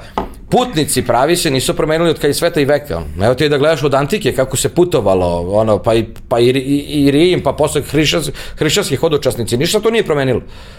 Pro, jedino što se promenilo što se pojavio turizam u ovom hiper oblik, uvijek ste imao turizam, uvijek ste imao, znaš, ti, ti si i pred 2000 godina imao neke vrste brošura, imao si, zna, znalo se gde, mogu si, imao se neki, kao što bi danas rekli, putničke čekove, znaš, imao si te stvari koje, znaš, da, da ti platiš unapred, nekoj kao, recimo, ti si hodočasnik, platiš nekoj agenciji, ili ne, nekom ko to organizatoru puta, što bi se reklo, pa se zna gde ćeš da spavaš, ovo ono, pa negde usput imaš da je opasno, to je bilo uglavnom Srbija i Bugarska, da je opasno, pa te tu, tu te štiti, ne znam, taj i taj, ovo ono, to se sve znalo, ali kao u redu a i kako se zove, ali ova vrsta ovog turizma, ovog divljačkog, to, to se najveće vidi, znaš, kad neko ko je do juče praktično došao od negde da ima jednu česmu u, u, u dvorištu i tako se zapirali, svi, cela porica, što što je zapirala, došao do toga da po, po, traže ne znam kakav luksus, da nešto, ti vidiš da je to ono bukvalno pomodarstvo. To je ono kad je krenula, ona, sećaš se kao korona, pa gde ćemo da smeštamo, ajde da napravimo, ne znam šta je bilo, sajam, ko to ćemo napravimo, ajde kao ljudi, ono, kao vojna bolnica da se što ne zakupe hotele, jer kao, znaš, mi smo, ono, kao, ono ne plaća porez, ono ne, ne platu zdravstvo nikad u životu i sad očekuje da njemu neko ga stavi u hotel. Znaš, sramota je, sram, znaš, bukvalno, naš, mi, mi smo, ono, to najviše, znaš, ono, to je ono, što si stariji, to, to sve više vidiš ljude oko sebe i počinješ da se razočaravaš s njihovim shvatanjima sveta, ti, ti ne znaš da li su oni samo bezobrazni ili su glupi ali mislim da je ovo prvo, znači, kao, znaš, svako misli da je nešto zaslužio. Pa niko od nas ja nije ništa mislim zaslužio. da je ovo drugo, uglavnom. Nisu glupi, ne, nisu oni toliko glupi, ti posle kad malo to počneš da ispituješ, ti vidiš da, da, da iz toga isijeva bezobraznog. Isijeva, isijeva to kao ja sam zaslužio nešto, ja sam radio i zaradio. Pa dobro, kao, pa, kao ja zaradio, ne znam, dosta novca, pa šta treba sad da ih, da ih odmah, kao, bah, kao, znaš, znaš, ne razumem, znaš, taj neki to, znaš, to mora se pokazuje ako imaš, pokaži, pokaži, pokaži, ali to se, to se, to, znaš, to nije, kako ti kažem, oni ne kapiraju da, da ti, ako imaš pare, to ti, uh, ti ne ideš u all inclusive, zato što je all inclusive, nije all exclusive. Znaš, ti novac znači, ako imaš novac, ti ideš negde da ekskluzivno, da je ekskluzivno nema 500 ljudi, ima 10 koji isto su tako ekskluzivni kao ti. Ili ima jedan, eventualno ti. A ne ono na što ideš negde, ljudi misle da kao ako platiš all inclusive da ti imaš pare. Ne, ti nemaš pare, da naprotiv, probaj isto to da radiš, a da ti nije u hotelu ono kao ono na traci doručak, na traci ovo, na traci ono, mislim, znaš. Idi sedi to pa lokalno, pa sedi pa vozi stigne, onda baš da vidiš koliko će te košta. Jer nisu ta samostalna putovanja ni toliko jeftina, ono su samo drugačije, često ispadnu i skuplje ali kao drugi je čar, znaš, ti sedeš, tekim zovete u kuću, sediš, pričaš s njim, on dođe posle kod tebe, pa će se družite, znaš, totalno, znaš, drugačije, znaš, što kaže, putnik upoznaje ljude, a turist upoznaje ugostitelj. I to je razlika. Mi totalno dve, dve, imaš dva, dve, dve slike o, ist, o, o istoj destinaciji. Znaš, to ono kad neko kaže, ne znam, volim Grčku, a ovaj drugi kaže, ne znam, ja ne volim Grčku. Kao zašto? Zato što, ne znam, kao, ne znam, onaj Giros njihov odvrtu, kao, kao Giros, znaš, kao, kao, znaš, ali to je to, znaš, on ko gleda predstavu to kao de jesti, plaža, uđem dovde i ne znam šta, mora bude peščana, jer sam video na filmu, na, ono, znaš, kao, to je to, a kao, znaš, ide nešto dalje da prođe, ne. Znaš, ti imaš taj ču, čuveni, znaš, to, to meni nikad nije bilo jasno taj sindrom, zašto ljudi idu, na primer, ono kad idu, ajde u Grčku, idu, na primjer, na taj Halkidiki. Masovno, masovno, zašto? Pa kao najbliže, pa nije. Znaš, ne znam koliko ima, 700-500 km. Toliko isto možeš da ideš, ne znam, do Volasa. Od Volasa imaš tamo dole da biraš šta hoćeš. Ali kao ne znam šta, ali on ko to vidi, znaš, to je ta be, bezbedno, znaš, to je ono, ti, ne, ti ne putuješ, ti se izmeštaš. Znaš, to isto kao došao avionom negde, znaš, ti si putovao, ti sam otišao negde, vraćaš se nazad ok, ako ti tamo nešto sad, ali kao ako nešto dalje, pa si isplati, ali kao ima, naš put je saznajni proces, usput obiđeš nešto, znaš, nego to je ono, naš, imam toliko vremena, ni ovo moram stignem, ovo, ovo, ono, krećemo noću, krećemo da iskoristim, pola sata, pa mak, ono, pola sata, pa makar poginu na putu negde, znaš, to je to. I to je to prokletstvo tog, tog radničkog letovanja na taj neki način. Je. A, neka od tvojih putovanja su bila vrlo neobična, sa zanimljivim ishodima, sa zanimljivim anegdotama. Dosta toga si e, opisao na, na daljine.rs. Pa da, koje kude, i to je bilo radi sada društvo putika Srbije daljine, neki putopis koji, koji sam ja slao mailom, znaš, sva, sva što se tu radilo umeđu vremenu, da, ali ja nikad nisam zapravo formirao jedno mesto gde bi ja to sve pisao, jer sam posle nekog vremena shvatio da je apsolutno besmisleno. Znači, svi pišu, ko će to da čita? ja volim da pročitam, ali sumnjam da će ljudi, jer danas je vreme totalno drugačije, ljudi više ne žele, ne žele ni slike više da gledaju. I to im je odvratno. I to im je dosadno, znaš. Ali da, bilo je, ima jedan putopis koji nikako da objavim, to je taj povratak iz Meksika, čuveni koji je baš onako zanimljiv. To je poslednje, da kažemo mi se desilo nešto, nešto posle toga i počelo manje više korona, znaš, ono, nekoliko meseci nakon toga je već počelo, stvar godinu dana nakon toga je počela korona, nisam imao neki duži put umeđu vremenu, ali to je bilo veoma zanimljivo, taj neki povratak kad sam ja ostao sam u Meksiku i ne znam kako se vratim nazad. Tačno 10.000 km od kuće. Imam ono A na zašto si ostao sam? Pa to je sad priča, ajde, ajde da, da ne sparamo mnogo slušalca, ukratko. Uh, Uh, mi smo išli u Meksiku između ostalog, na, mislim da između prvenstveno na svadbu naših prijatelja, ali kao kad već idemo tamo, naravno iskoristit ćemo priliku da vidimo sve i svašta. Sad ja, pošto nisam neki sad ono, kako kaže, ja nisam mnogo u popularnoj kulturi uopšte involviran, ono, filmove ja slabo gledam, I tako, to je neki, znaš, ono, ja, tipa, ja sam čuo u, u, u krajičku mozga za taj neki Cancun, ali to kao, ok, Cancun, to, znaš, ono, ja nisam znao što šta je, ono, kao, posao vidio kao letovalište dobro vidim šta je neka budva, nešto, naš Zlatibor neki da navodi, kao, naš, I kao dobro, kao naš, jedna od, jedna od, od naš tamo bi trebalo mi da završimo kada je put da se kao kupamo i onda kao pičimo nazad za Beograd. Među vremenu ja dok se sve to dešavalo, ja sam ono, ne znam šta, kupio, kupio stan i sad tu krenulo to, ne znam, renoviranje, kupio ovo ono, posla, ne znam šta, još je nešto bio bolest, ima neku temperaturu, nešto mesec dana zaboravio. I zapravo meni nije bilo ni do čega i kao drugarica planira taj put, ona je već bilo u Meksiku, ićemo tamo, ićemo tamo, ovo će, ovako ćemo, da letimo ovo, letimo ono, jeftini letovi po Meksiku, sve i svašta, super na to isplanirala, svaka čast. Ali kao naš kažu, naš sad ja posle nekog vremena se uključim, a to kao nisam taj chat kao mutirao, naš, ono i kao uključim se nekog vremena i sad gledam kao letimo ono Budimpešta, Madrid, Madrid, uh, oj, Mexico City, a povratak Mexico City, London, Budimpešta. I rekao, ko je, pa treba za London, treba viza, znaš. Ma ne treba, kao, šta, tu tranzitu si, bre, kao ne treba ti, kao, rekao, sigurno, ma išla ja, bre, sto puta, kao, bože moj, kao, rekao, dobro, aj, kao, I sad ja tu dalje nastavljam sa svojim poslom, ne razmišljam mnogo o tome, sve dok nije pošlo nedlju dana pre, pre polaska na put, ja kao, je, kao treba mi viza. Pitaju to neke ljude, kažemo, treba ti viza, se ludi, kao. Pitam drugog, treba ti viza, kao, da, kao, treba trećeg, treba ti viza. Zovem ja Marinu, tu drugaricu, ono, a ne treba, ne znam, ono, kao, dobro, ajde, kao, da slušam tebe, da me, da me ne bi ubili. I ništa, odemo mi tamo i sad svašta tamo izdešavalo, ovaj, ovaj, u, znaš, među ostalog povraćao sam pored meksičkog zatvora, to je jedna od zanimljivih anegdota. Ovaj, pa, znaš kako, ja, ja sam i pre znao na neki način da sam alergičan na cimet ali nisam, znaš, pošto ja slabo jedem slatko i kao, naš, nešto kao neko cimet, meni se cimet sam po sebi ne sviđa i nekoliko puta kad sam jeo tako neki cimet, ne, baš mi nije bilo dobro i kao nešto povrećam, ali to uvijek ima simptome kao da imaš uh, neki stomači virus, nešto i kao dobro, znaš, kao pa nikad nisi bio siguran. Međutim, sada mi sedimo, sad se treba da uđemo u neka, neka pećina ogromna, neki, kao neki nacionalni park, blizu Kornavake ili tako nešto, Da, i mislim blizu, 200 km, to su ogromne tamo razdaljine, Meksiko ogroman. I ko čekao mi, ko da popijemo neku kafu, usput u Meksiku odvratna kafa, tamo bolje ponesti odavde kafu, ono, iskreno, ko bi rekao tako blizu, ovaj, dole Južna Amerika, a odvratna kafa, sve su one američke filter kafe, to je jedino što znaju, I ima ne da kupiš u prodavnici, to hvala Bogu. I kao, aj sad mi popio to neku kafu, skuvaj, skuvaj nama kafu, ko gore nekog cimeta, još ja kažem ha, kao ja sam kao, imam iza solarića cimeta, nema vezi, popijem ja to i zaboravim. I kao idemo mi kao, da, pazi, to je neka pećina, više ne mogu da, ni naziva se Setibul, to je visoko gore, ogromno, znaš ti koliko to maslino, to ti je nevjerojatno. I prošli mi to stvarno je super i vraćamo se, vidim meni onog noge već ono od gume, ono, kao uh. I kao siđem ja nešto izađem napolje, kao ono, krenemo mi nazad, stanemo u neko selo, usput ono baš ono pravo ono selo, ono stereotipno meksičko, baš, baš onako, vidi se da će biti dobra klopa. Ja ne mogu da jedem, ako ja ne mogu da jedem, to je već smak sveta. I kao ovo, ono, ovo, ono, i, ovaj, i, i novi svi jedu, uživaju, ja ono, samo čekam da se jedemo, još imamo, a imamo dva sata do, do, do kuće, ono.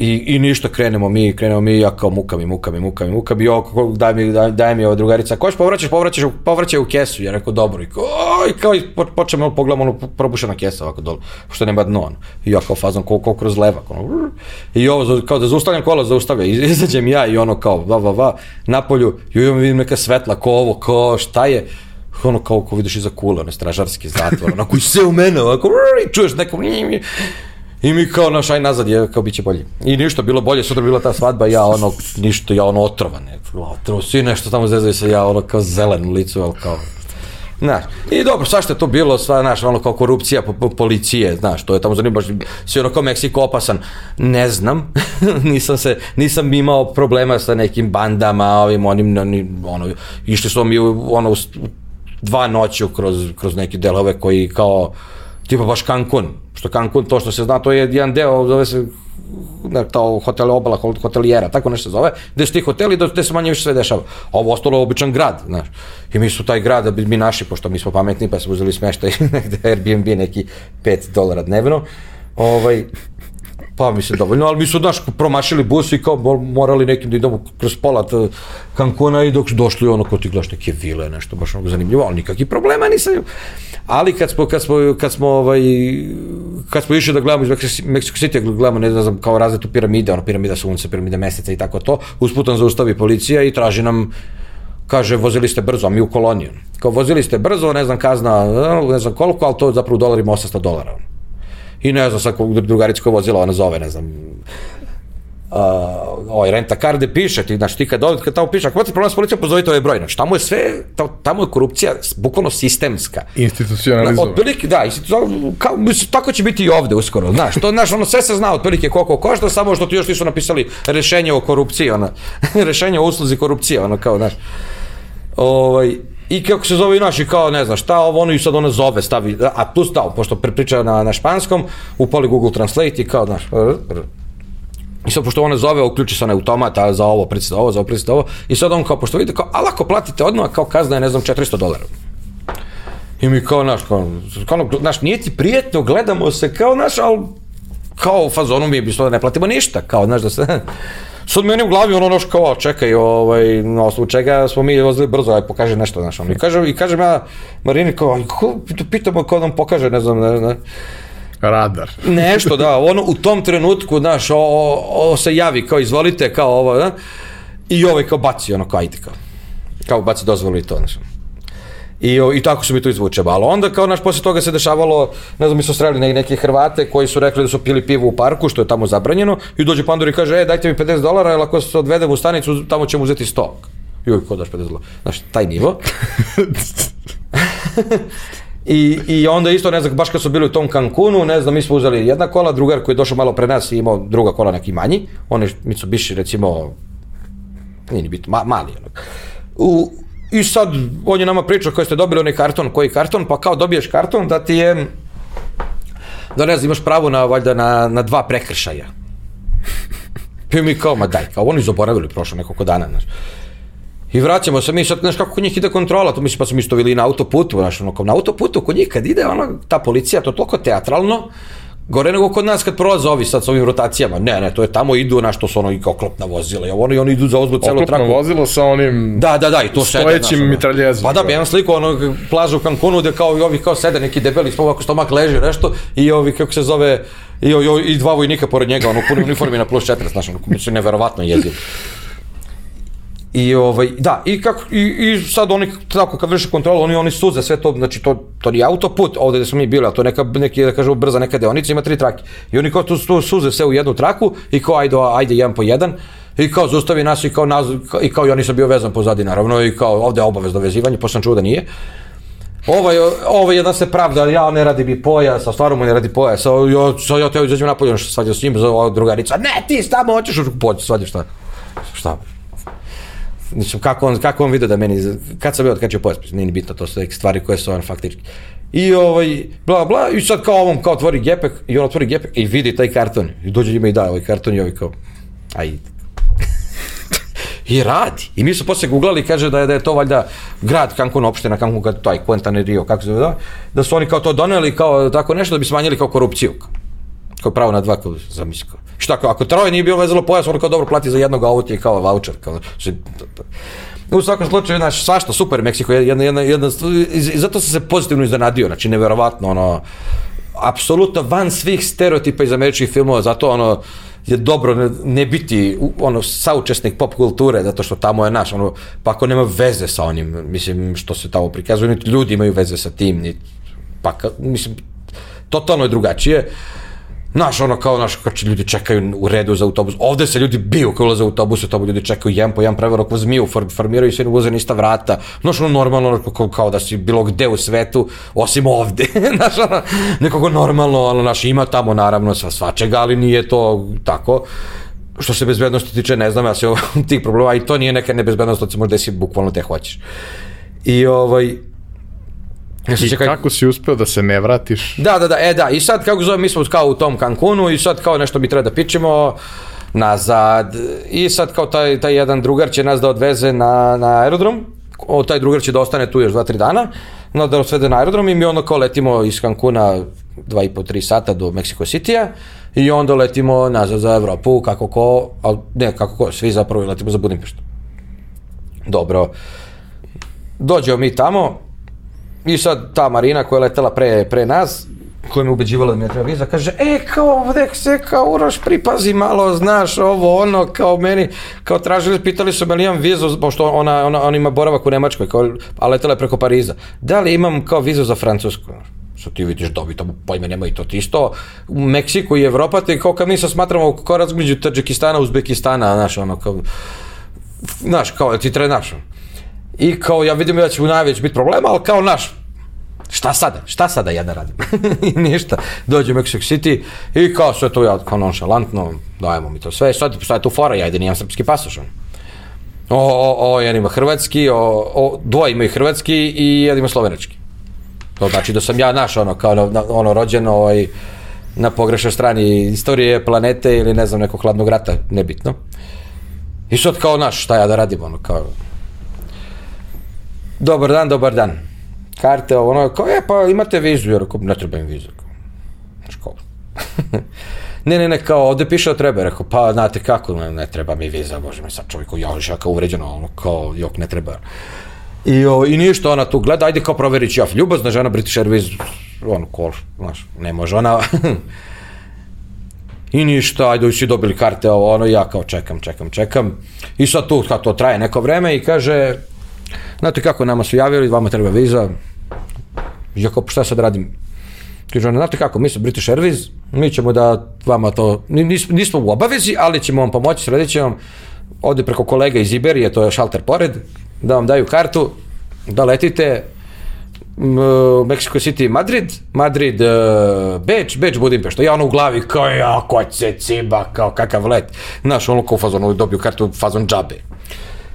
I o, dođe me tamo dobar dan, dobar dan, ovo ono, i kao sve super, on kao, jel imate kao kartu, jel imate vizu za Austriju? Rekao, ne trebam vizu za Austriju. Pa ovde u sistemu piše da treba, ja rekao.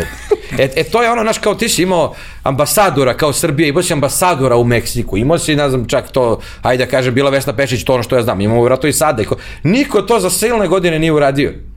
Znači, ono, niko to nije samo da kaže, ljudi, žale nam se ljudi, ajde da vidite tamo nešto, promerite taj sistem. Niko ništa. E, to je to. I ti dođeš tamo kao, potrebate vizu za Austriju. Rekao, ne treba, ali ja pokazujem tamo, googlam, evo, ovo. No, ono, kao, ono, kao, von, spusti ono, kaže, ukrcavanje. Ono, poz. ja kao, ostajem sam, 10.000 km od kuće, ovi moji naš dolaze kao vadi oko storbice svako po 100 dolara i kao evo ti pa Dobar kao, si čovek. Pa kao vratit ćeš, o? jako je. I sad što na dan, već ima, ja sad kao ne, novca na kartici, Srpska banka, znaš, to, ono, šansa da ti radi je 50-50%, imam, ne znam, pionir koji, ono, u, uglavnom ne radi, o, i kao, znaš, kao to je to, I, imao sam ja tu nešto kao ev, evra, i kao, znaš, izdržat ću, nije Meksiko nešto skup, snaću se ja, kao, nije to problem. Ali zovem ja sad tu drugaricu i sad kao sada po svaku cenu da mi nađeš kartu, kao ovo ono, ja moram se vratiti kući. Ona tek došla, legla, ono, ono, ja mislim da ta živjela još u Kelnu, legla i kao naš sad ona zove i traži tamo, traži tamo. Kaže, ima za hiljadu, ne znam, 400 evra kao u, u četvrtak. I ako ne dolazi u obzir da te pare mogu živimo u Meksiku tri meseca, ono, kao, i živeću, ono, znaš, kao, pa ne znam, ima ovo, ima ono, bla, bla, bla, i traži, traži, traži. Sad za, za to vreme ja upoznajem Znači, to te priče, evo poznajem lika nekog klinca, mislim, nije klinac 25-6 godina, ali za mene ono bukvalno, naš, mislim, ti ljudi jesu zapravo klinci, oni su mnogo, mislim, bar iz, kanadjani, znaš, ti vidiš da, da, da njegovo poimanje sveta i tvoje poimanje sveta je neverovatno. Znaš, ja odvratni mi ovi, ne znam, ja sam došao iz Perua, možeš zamisliš tamo, ovi je, od, odvratni Meksikanci naplatili mi carinu zato što misle da ja ovo hoću da prodajem, vidi novčanik da ću prodajem džab, kao dalje, kao, i rekao, jel, kao, pa dobro, koliko si kupio? 50, kao, znaš, Pa šta da radiš? Pa da prodajem. Iskreno, ne, neverovatno na što se sad svašta dešava. Ja trčim tu gore, a pritom ja ne znam španski. Znaš, ja više znam turskog od španskog. Iako je španski, da kažemo, lakši. Kako gospodo, ali ja nisam stvarno gledao telenovele, nisam gledao ni, o, ni ova, kako zove, Casa de Papel, mislim, što me ne zanima. Mislim, ok, zanima me ovako, ali ko ja nemam, nemam tog nekog dodira, osim Almodovara, mislim, boj španski je ono, no, ono, eskalada, znam da su stepenice, zato što mi vikali eskalada, eskalada, ja gore trči sa, znaš, ono, ne znam, no, još ja pono kofer, ja ne putujem s koferom, ne znam putujem s koferom, putujem s rancem, ali pošto bila svadba, ja kao da imam neko odelce. I, ovaj, i eto, i, i, i vidiš, e, vidiš to kada ono putuješ, a ne znaš. I ja kako zove sad ono kao sa koferom trči, a? I ovaj kaže, znaš kako, ne možemo ti menjamo kartu, sutra dođe u 10 pa da vidimo šta se može. I sad umeđu vremenu ja sad sa tim napolju, bla bla, nađe meni Marina kartu i kaže, slušaj, imaš, imaš iz Cancuna da letiš za, ne znam, 300 evra, na primjer 280, tako nešto, i da letiš uh, od Beograda do, ovaj, od, od Cancuna do Frankfurta ili od Cancuna do, do Minhena. I ako daj Minhen, kao kapiram brže, se, bliže je Srbiji, kao pa će se snaći. I kao dobro, sad će spavam na aerodromu, kaže ona, daj nemoj se da spavaš na aerodromu kao stoko seljačka, dosta više prošla su ta vremena. Ili kao, znaš, da ću legnu na pod, mislim, na što kao prošla vremena, ovo, ono, uzbi sebi, uznaj mi hostel, ovo, ne znam, kao ja tu uzem sebi, ko nađem neki hostel blizu, iznajmim ja hostel, da, pa vidim meni onaj, onaj booking prebacuje mi, bukvalno dan za dan, pošto kao ja da platim jednom karticom, normalno ne radi, i ja kao, znaš, kako sam vratio nazad, on mi prebaci na, na, na sutrašnji datum, ili to bilo već 11 uveče, i ja kao sebi za sutradan rezervišem, ja, ja ne znam, pošaljem tamo neki mail, o, ga, dođite, no, ja dođem tamo, ono, nigde nikoga. I nema veze, ja tu prespavam ovo ono sutra ujutro, ja već taj, taj pošto na tom aerodromu mi smo stalo u Meksiku leteli internim tim neki letovima, ja sam taj ono Benito Juarez, taj aerodrom, zna, ono učio na pamet, znam da kupim vjeršlu, ja odem kupim vjeršlu, jer ko zna šta me čeka, da jedem bre nešto čvrsto. Jer je kao u hostelu bio doručak, kaže od pet, ja se probudim u pet, ovo svi spavaju, kao kakav doručak, ništa, ono, znaš, kao, I krenem ja sad, ovaj, znaš, a, a stalno postoji bojazan, sad da će moći u Mexico City da uđemo avion, da će mi tražiti vizu za Nemačku, znaš. I ja kao, ne znam, dođem do, ovaj, iz Cancuna do Mexico City, znači 3 sata let, Umeđu vremenu sam ja, ne znam, zva, poslao mail nekom, nekom kao kombi prevoz, kao Beograd, to je Minhen, Beograd, ovo ono. Tu se taj se javlja, ne javlja se, neke, neke totalno obskurne poruke. I ne znam, na kraju mi dođemo, do, doletim ja što sad kao da, mi, mi letimo ovim što je bankrotirao, zato i bankrotirao, pretpostavljam, ovaj, Thomas Cook, ovaj, I ništa, i sad kao on meni sada ubrzam, kao ne znam, da li imaš vizu za Nemačku, rekao nemam. Pa kao ovde piše treba, rekao ne treba. I ja tu počeo da svađam, počeo se derem i kao dobro, ajde prođi. Ali kaže, al kao, al tamo kad dođeš, kako ćeš da dođeš u Srbiju? Rekao ne znam, mogu da ostanem 90 dana, I kao, znaš, ono, kao mogu peške, bukvalno za 90 dana mogu peške da dođem. Kao, dobro, znaš. I ja nekako uđem i ja ne znam da li je to jeftin let, ne znam ništa, se sad tu ima detalje i detalje, šta se tu dešavalo. Sletim ja u, u, u, u u ovaj Minhen i pita me ona žena kao ljubazno sve, kao je super, kao kako ćeš nazad, kao li imaš autobusku kartu rezervisanu, rekao nemam. pa kako će se znači, rekao nemam pojma. Kao e, nešto ovo, ono i kao e, tu bi neki 10 minuta i kao aj prođi. Kao, Ne, ne, on ne, kao, da si, kao da si, daš ono, ja sam jedini ono kao, kao ono ostali pasoši, svi ono Nemci ono prolaze ili ti koji su leteli, pošto to je, mislim, Cancun je pakao sam po sebi, ono, tamo nemaš, nemaš njenu klupu na aerodromu, ono, znaš, tamo direktno iz, iz, iz aerodroma izlaziš u, u autobus gde te voze neki i znaš i to je to, tako da ti, ono, kontori neki matori Nemci ko tamo već letuje, ono automatski samo daju, ono, na QR kod, bar kod neki ima, i samo tak, tak, tak, to, pasoši ulaze, znaš, ono, a za mene, na šalter. ja na šalter ovo, ono, i na kraju me pusti i ništa, čekam i dalje sa priča. E, to je, to je bitno zato što moje, moje putovanje, moj povratak nazad tek sad počinje, ali to je onog dana kad budem napisao. Znači, tek, znači, tek posle, u svakom slučaju ja sam putao 5 dana do, ovaj, nazad, do, do rodne grudi. Jel došao kombi? Došao je kombi posle 12 sati, ludilo vozač koji nije spavao celu noć koji mene pitao ja kao zamolio me da li ja mogu da vozim umesto njega ali on ne može da gleda na oči. Sa nekim gastarbajterima ljudi koji se voze od 8 ujutro i još nisu izašli iz, iz, iz Bavarske uopšte ili on je kupio ljudi mislim to je neverovatno što se dešava. U jednom trenutku sam se on probudio video da vozi putnik da putuje on dao nekom putniku da vozi ali on više ne može ono kao ne, neverovatno. Neverovatno što se tu dešavalo ali kao zanimljivo. Čak se tog lika posle našao na Facebooku pa sam jurio nekog prijatelja kojeg vidim da ga zna kao pitam ovaj normala, on kaže, pa on, šta ti kaže, i tako. Mislim, svašta je to bilo, mislim, kao, to je nevratno, čovjek koji ono kao, koji vozi preko aplikacije koja se zove GPS, koji skinuo sa Google Playa, prva aplikacija, ne, navigacija, piše navigacija nešto i on kao skinuo to i tako vozi skroz nešto, pute, pola puteva ne postoji, pola što mi dok šta je ovo, vraća se nazad, neverovatno. Neverovatno. Ali to je to, da, to, to je ta lepota putovanja, znaš, tog nekog, tog nekog, znaš, tog samostalnog putovanja, da ti, znaš, ti samo kroz to jedno, ti, ti naučiš ljudima, naučiš sve živo i posle ti neko dođe, znaš, i kao pročito, ne znam, ne, ne, znaš, neko iskustvo u nekoj knjizi, znaš, po, po istraživanjima koji smo mi vršili, na, na, na, na, gledaš koji je, šta ste vi vršili, ono, ono, ono bukvalno iz, izašli iz jednog salona, ušli u drugi i onda kim neko bušao u neku laboratoriju i onda ga pitali nešto i zapisali kao možda misliš, došli smo do zaključka dve tačke. To je taj problem, znaš, ono, i ceo svet se, kao što su radio stanice formatirali da se izvuče isto, tako, tako i ljude formatiraju da se izvuče isto i kao, naš, ono, kao, to ti. Ne znam šta da kažem, ne, ne radujem se ovaj napretku sveta ovog. Baš, baš, baš će nekako biti, znaš, ono, ne znam, znaš, ono kao, Uh, ljudi misle da si ti da si ti ne znam kakav avanturista ako si otišao u planinu koja je manje više brdo odlično obeleženo bez vodiča. Što bukvalno možemo evo sad nas trojica sednemo tamo i kao da odemo kao stoji strelica kao tamo tamo tamo i oni su kao, kao E, takvi su ljudi postali i što je, mislim da je ovo, baš loše po njih, a dobro po ljude koji nisu iz tog sveta, jer će moći da im uzimaju novac i dobro će sarađivati. Koje putovanje nisi ovaj, doživeo još uvek, a želeo bi? Teo sam da u Murmansk kolima i to, i to je bilo, to, to, je, to je korona, da kažem, upropastila stvar. Zapravo bi, bi, bila su dva puta da smo mi kao optirali, vidjet ćemo kao kako budu prilike i šta će biti, jer tad je već bilo ono kao nešto sa Turskom. Trebalo se da idemo u Jermeniju kolima, ali kao kroz celu Tursku da to traje no 3-4 nedelje, pa polako, znaš, da se vidi, pošto Turska je sjajna država. E, pogotovo tamo onaj istok Turske, to je neverovatno. A kako se zove, i da i jedna varijanta bila da se ide gore ono Murmansk i uopšte taj sever, sever da kažemo Rusije, mislim nije to sever Rusije, Rusije, ono širok, ali taj tu deo gore. I to je isto kao ono uništila korona, mislim, to kad bi se izašlo iz ovih delova, tipa Poljska, ne znam šta, o? i onda kao da se ide preko, ne znam, da se vidi, vidio bi Minsk, iako u njemu nema ništa posebno i čuo sam da je kao, šta, kao, kao Novi Beograd, mislim, ono. ali kao na što bi otišao da vidim, i tako neke stvari, ko da šta bi usput me tamo sreo, mislim, ja nisam nikakav rusofil ili to, mislim, ja nisam fil ničega u tom smislu, pogotovo ne neke države, ono, ne volim okupatore, ali kako zove, volio bi da vidim, jer nikad sam bio na u Rusiji, a zanima me. Znaš, zanima me ono, tipa ono, znaš, nemam nikakve predrasude, nikakve očekivanja i to bi volio da vidim, ali ne ono kao gradovi, to kao volio bi San Petersburg, to bi volio da vidim Moskvu nešto i ne, ali to van dalje, to da vidim kako se živi po selima, kako se živi, to me zanima.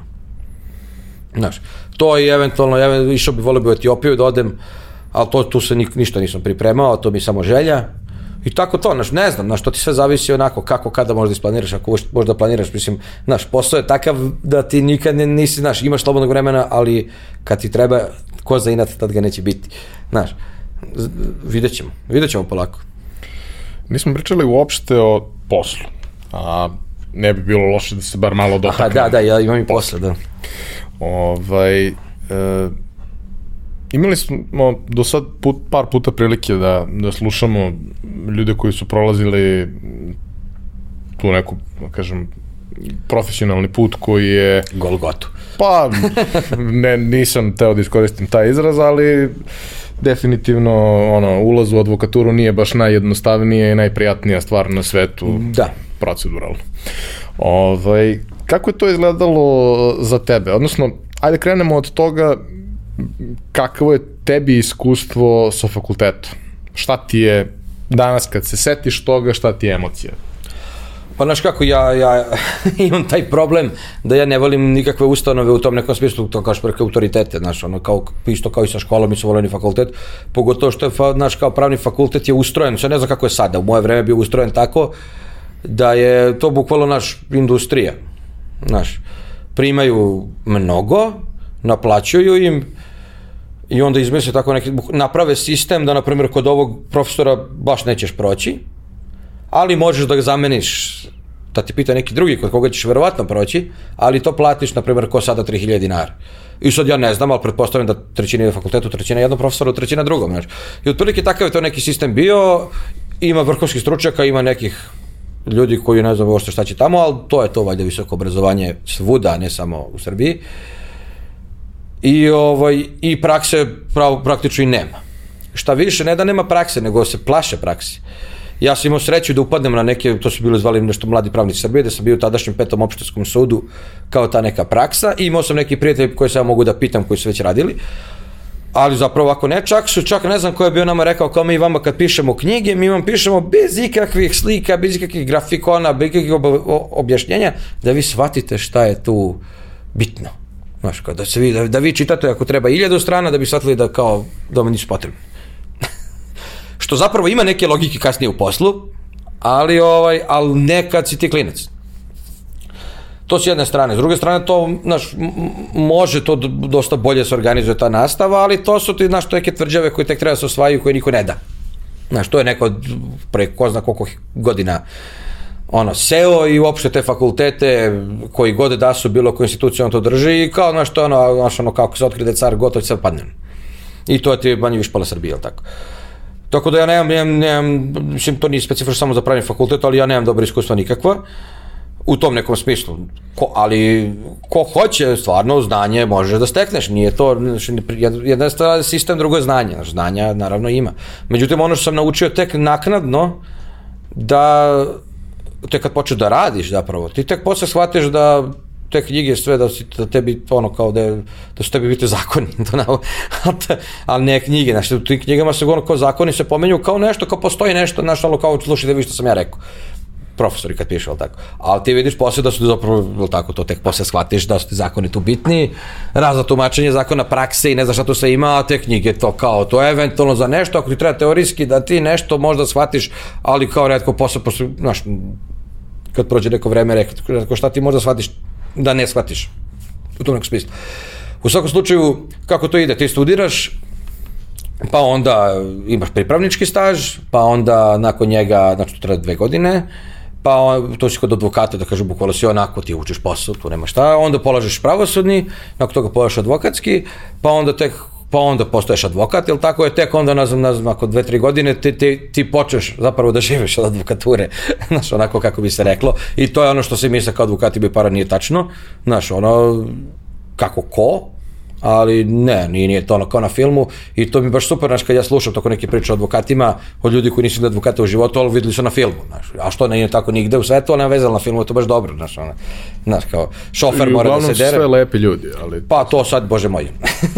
A, ali kako za, tako je struka, znaš, ja sam studirao dosta duže, jer sam za to vreme radio, znaš, i nisam shvatao to kao, znaš kako mi, prvo svega niko mi nije tero da ja to moram da završim, sad moraš da završiš, zato što da zato mene nije čekao nikakav siguran posao, ništa mi to nije čekalo, i ja za to vreme mene zanimalo hiljadu stvari, i ja mislim da je jedna od boljih odluka što sam imao u životu da studiram malo duže, jer sam za to vreme proživao i video svašta, radio sam mnoge stvari koje me sada pomažu u poslu, između ostalog ceo taj IT i to ja se bavio za, između ostalog i za, vreme, i, i za to vreme, jer kasnije ti ne bi nimao ni vremena toliko, Tako da ja sada razumem te procese i postupke i šta god se pojavi ti ne možda ne razumeš ili kao ti znaš nešto, znaš, pogotovo što smo pričali, znaš, u to neko vreme pionirsko kad nisi imao Google pa ti treba nešto da uradiš na kompjuteru, a, ne, a nemaš koga ni da pitaš, niti imaš gde da pročitaš i kao sve radiš sam i onda buđiš i iz tog buđenja nastane neko iskustvo i znanje pa posle naknadno i za ceo život, znaš iz tog razloga mislim da, da je to bila dobra odluka i nisam mislio da to nešto pogrešio, ja sam ušao u advokaturu relativno kasno, s 30 nešto godina, ali kao, A kako ide taj deo, nakon što završiš fakultet, šta, šta sve prolaziš? Okay. Pa prolaziš to, znači ti budeš pripravnik u nekoj kancelariji, znači ja sam, ja sam tu čekao godinu dana zato što sam ja bio na nekom, na nekom programu, ono, ono nešto, ono, kao prva šansa, nešto tako, znači ja sam iskoristio dva, tri puta to, kao koristio sam razne rupe, to što je bilo, ko što da neko daje džabe pare, a bukvalno, znaš, ono, moje su, Uz, uzmi. I ovaj, on sam to uzeo i on se čekao da se završi taj tu deo da bi ja mogao da budem, ako si u radnom odnosu ili ako si bio u radnom odnosu, ali ne po tom osnovu, ti ne bi mogao da budeš pripravnik. Ovo nije bio radni odnos, ovo je bilo ne znam sasvim nešto drugo, tako da, nešto sad tada bi bio još bio novinar. I onda ti naš, postaneš pripravnik i onda bukvalno, pa ja sam za to vreme imao posao drugi, moj paralelnik koji meni do, odličan novac donosio stvarno od novac za današnje uslove vrh. E ja sam odlučio da to prekinem sve i hoću iz početka. Znači on, da mislim da je to je ono, kao to, evo, ni meni nije jasno da danas, ali mi je super bilo da ja kao krenem iz početka, ili kao, znaš, počnem novi život. I počnem novi život u tome i, i, i imao sam super principala, od njega sam svašta naučio, Milinko Trivković, dosta ovako kontroverzna ličnost, ali, ali, ali, ali sjajan advokat. I, I mnogo sam naučio oko njega i baš je bilo onako i teško i, i, i, i svašta, nije to što lagan posao. I ti onda vidiš tu, sad to naj, najteže ti tu zapravo u tom poslu padaju ljudi, znaš, nikak, nijedan posao nije težak, ali ti da, da ljudima moraš da objašnjavaš neke stvari, a ljudi poslovično ne znaju, niti su dužni da znaju, ali onda ali neće, neće da ni da slušaju. slušaju. Ali neće da slušaju. Znaš, i to imaš ti, znači evo, dan danas, evo, dešava se nešto, evo, vidiš kakav ti put prođeš, šta sve prođeš i ti nekom objašnjaš što on kaže nije tako. Što njemu kao gledaš kao, znaš, pa, znaš, kao kod ja kod doktora da me operiše, ne znam, hirurg, ja mu kažem, e, znaš kako, nemoj tu nego meseci ovde, znaš, kao, mislim, ne sme to tako jednostavno, ali bože moj, ima živca nekad, nekad objasniš, ok, treba neki postupke da objašnjavaš kako ide normalno, ali, znaš, to je neke rasprave i to samo se isključiš zdravo, ali kao nema, znaš, nekada treba objasniti zato što zbog drugih, ne zbog njega, nego drugih koji čita, ako javno, Jer kao znaš da ne budu ljudi u zabludi, znaš, jednostavno ne budu u zabludi, znaš, šta se ovo dešavalo za freelancere i sve to, jel tako, znaš, pričali su ljudi, tupili su i kao naši na kraju ispostavilo da kao ni- niko nije rekao ništa, rekao dobro, ajde. Dobro, da. Ne, ne bih, baš ne bih da zalazim u tu temu, onako prilično me ovaj, nervira. Dobro, to je sad, znaš, to je sad pitanje, znaš, da dalje to moralo bude tako, ima tu sad raznih ono mišljenja, ali realno da, da je to neko hteo da reši na vreme rešio, jednostavno nije, je li tako? I to, i to, je, taj, i to je ta stvar. A posao, ko posao takav je, znaš, ono, i, ume biti težak, baš, ume biti ono naporan, nekada se baš radi dosta, nekada desi jedna, onda ti nemaš, ono, nemaš šta da radiš, sve je završio, a nekada ono, znaš, ti kad dođeš kući, ti, znači, znaš kako, advokatura nije posao 9 do 5, ni ti kad može biti. Tebe uvek zove, mislim, prava advokatura. Ne ako si ti zaposlen kod nekog advokata i taj ti daje platu, to možemo o tome da raspravljamo do sutra. Ali ovako, ako si, ako si samostalan advokat i nezavistan, u 11 uveče tebe zovu ljudi, šalju ti dokumenta, šalju ti ovo, šalju ti ono, ali ti jednostavno, naš, kao firme, daš, i ti ljudi rade, rade, rade svoj posao do 7 uveče, onda dođe, ne znam, šeta deco, ono, i on ti šalje ti poruke ili šta će čovjek da radi, znaš, i tako je, jednostavno, takav je posao i s tim moraš da se pomiriš. Kako si ti od tog trenutka kada si ispunio sve preduslove, položio sve ispite, došao u poziciju da možeš da budeš advokat, Ovaj, kako si postavio svoju, svoju priču? Kako si došao do, do prvog posla? Kako si razvijao svoju priču? Pa pazi, iskreno da budem, ne sjećam se kako sam došao do prvog posla, jer dok sam bio pripravnik, ljudi su dolazili su kao, znaju, znaš, advokatura ti je posao da, te, da te ljudi zovu po čuvenju, znači, postoje dve vrste, neko te zove ako si ultra stručan za nešto, ako si baš Specifično stručan, neku temu. specifična neka oblast i kao znaju da se ti time baviš i da ćeš to dobro uraditi i neke stvari kao je kao, treba mi advokat, pa kao naš, idem kod tebe. Ko je najpoznatiji? Pa neko ne poznati, nego znam, ti se baviš time, znaš. Neke stvari ni naš, ne moraš, ne budeš poznat da bi nekom izvadio izvod matične knjige rođenih, znaš, ono, a on, a on, ne znam, u Francuskoj. Ne moraš, budeš poznat zbog toga, znaš, ono, ali kao naš neko kao znate, jednostavno, to ti je posao taj, da kažemo ljudski. I tu je dosta bitno taj ljudski kapital koji ti nosiš sa sobom kroz sve to što si prošao kroz životu. Znaš, ljudi te znaju, ti znaš ljude. Jednostavno to je to. I, ovaj, I sad kako se to postavio? Pa ne znam, znaš, ja sam to uletao dosta stihijski, jer to je bilo, znaš, da će ostati u toj staroj kancelariji ili ne, ajde krenut ću da radim s koleginicom, ko partner, i kako smo krenuli da za, radimo zajedno, znači, to je bukvalno ko mašina bilo. Mi smo radili jedno godinu dana, mi nismo ono, gledali mo kakva naplata, kakva je što ti radiš, zato što moraš, ti ne stigneš. Dođeš kući ono mrtav, umoran, sve nešto hitno, sve, ovo, sve ono ti učiš i tada kako s ljudima radiš, kako ovo, kako ono, znaš, ti sada, meni svaka rekao dođe, u čega vidim na vratima, ja sve znam o njemu, a bukvalno sve znam o njemu. I onda sam znao sve o njemu, ali nisam verovao da je, da je to to. A sada verujem u to, znaš, ono. I to ljudi ne mogu shvatiti, znaš, ono, advokati drugačijim očima gledaju svet i gledaju ljude. Ali ne ono kao gledaju kroz pare, ma ne. Nema to veze s tim. Ti, ti, neko ti priča, ti znaš da laže. Jednostavno znaš da laže. Ako se kune u Boga, ti znaš da laže. zašto bi, znaš, ono, zašto bi, znaš, on, zašto bi on tebi klubu, nek se klok, ono na sudu, ne? nego ono hoće kod tebe da da stvori sve da on nešto nije uradio ili ne znam šta, kakve ja veze imam s tim, znaš? Bilo je sad skoro priča kad se nešto desi, kao da li ti nekom veruješ ili ne veruješ. Kao, profesionalno. Viš kao, znaš, kao, nemaš ti potrebe nikome da veruješ, ti samo radiš u njegovom interesu. Znaš, a sad da li ćeš ti profesionalno da veruješ u njegovu priču ili ne, Znaš, ono kao, bolje da on tebi ispriča sve to, zato što ako ti ne ispriča sve pojedinosti, on će biti u problemu. Znaš, i zato tu ima dosta onih priča kao advokat me zezna, znaš. I onda prvo pitanje se uplatio, pa kao nisam. Kao, mislim, mislim sam mu dao neke pare, nisam. Kao. Dobro, a kao ja sam mu rekao, kao, pa nisam mu to rekao, pa sam mu dao dokumente, nisam, pa kao, pa šta te on zezna? Znaš, nego zašto ljudi misle da je to klik, znaš. To je to, znaš, ono, taj posao, mislim, i, advokat, i, advok, i advokati su čudno konzervativni ljudi, znaš najprogresivniji advokat u tom nekom smislu je užasno konzervativna osoba. Znaš, to su ljudi koji su direktno sa pisaćih mašina prešli na Viber, čast izuzecima. Ali to je to, znaš. I Viber grupe su u advokaturi, ja, i to je baš dobra stvar, to svašta može se naučiti, ima ih milijarde, to sad. Svašta možete naučiti, da se čuje, da se vidi svašta i to je dobro, znaš, tamo razmena mišljenja i mogu reći da pored svih stvari koje se tamo dešavaju, znaš, tu uvek ima što je znaš, ono kao, klanovske politike, podele, ne znam šta ono, ali da je jedno, jedna od redkih profesija koja drži do tog nekog viteštva, znaš. U tom nekom smislu je to dosta stara, to je arhaična profesija, to je profesija od kad postoji sveti vek i advokatura postoji. Znaš, on se menjala kroz oblike, uvek postoji i uvek će postojati. To ono kad danas čujem kao kompjuter će zameniti advokate. Neće, zameniti pripravnike. advokate neće, taj način razmišljanja i to što ti sve možeš i to, ma kako to ne može, znaš, može baš tako da se lako emulira. Pa neke stvari možeš, pazi, neke stvari treba automatizovati, hvala Bogu, daj Bože da se automatizuje, znaš. Ali ove, neke stvari, boga mi, ne, da ne možeš da automatizuješ, nego to je baš zapravo i dobro, ako bi se većina stvari automatizovalo, što ako ti nisi u tome i znaš mnogo više od toga, znaš, ono kao možeš, znaš, čim izađeš iz tog kola, bić, biće dobro, bi, biće tebi dobro, je li tako? A kad si odlučio da, da kreneš u tu priču sa, sa koleginicom, partnerski. Um, koja oblast prava vam je bila fokus, a šta se ispostavilo da najviše radite? Znaš kako, oblast prava koja je bila fokus je bila ono kao građansko pravo u, u, u užem smislu, pošto krvicom ja se, bar za sada, ne bavim u toj nekoj meri, znaš.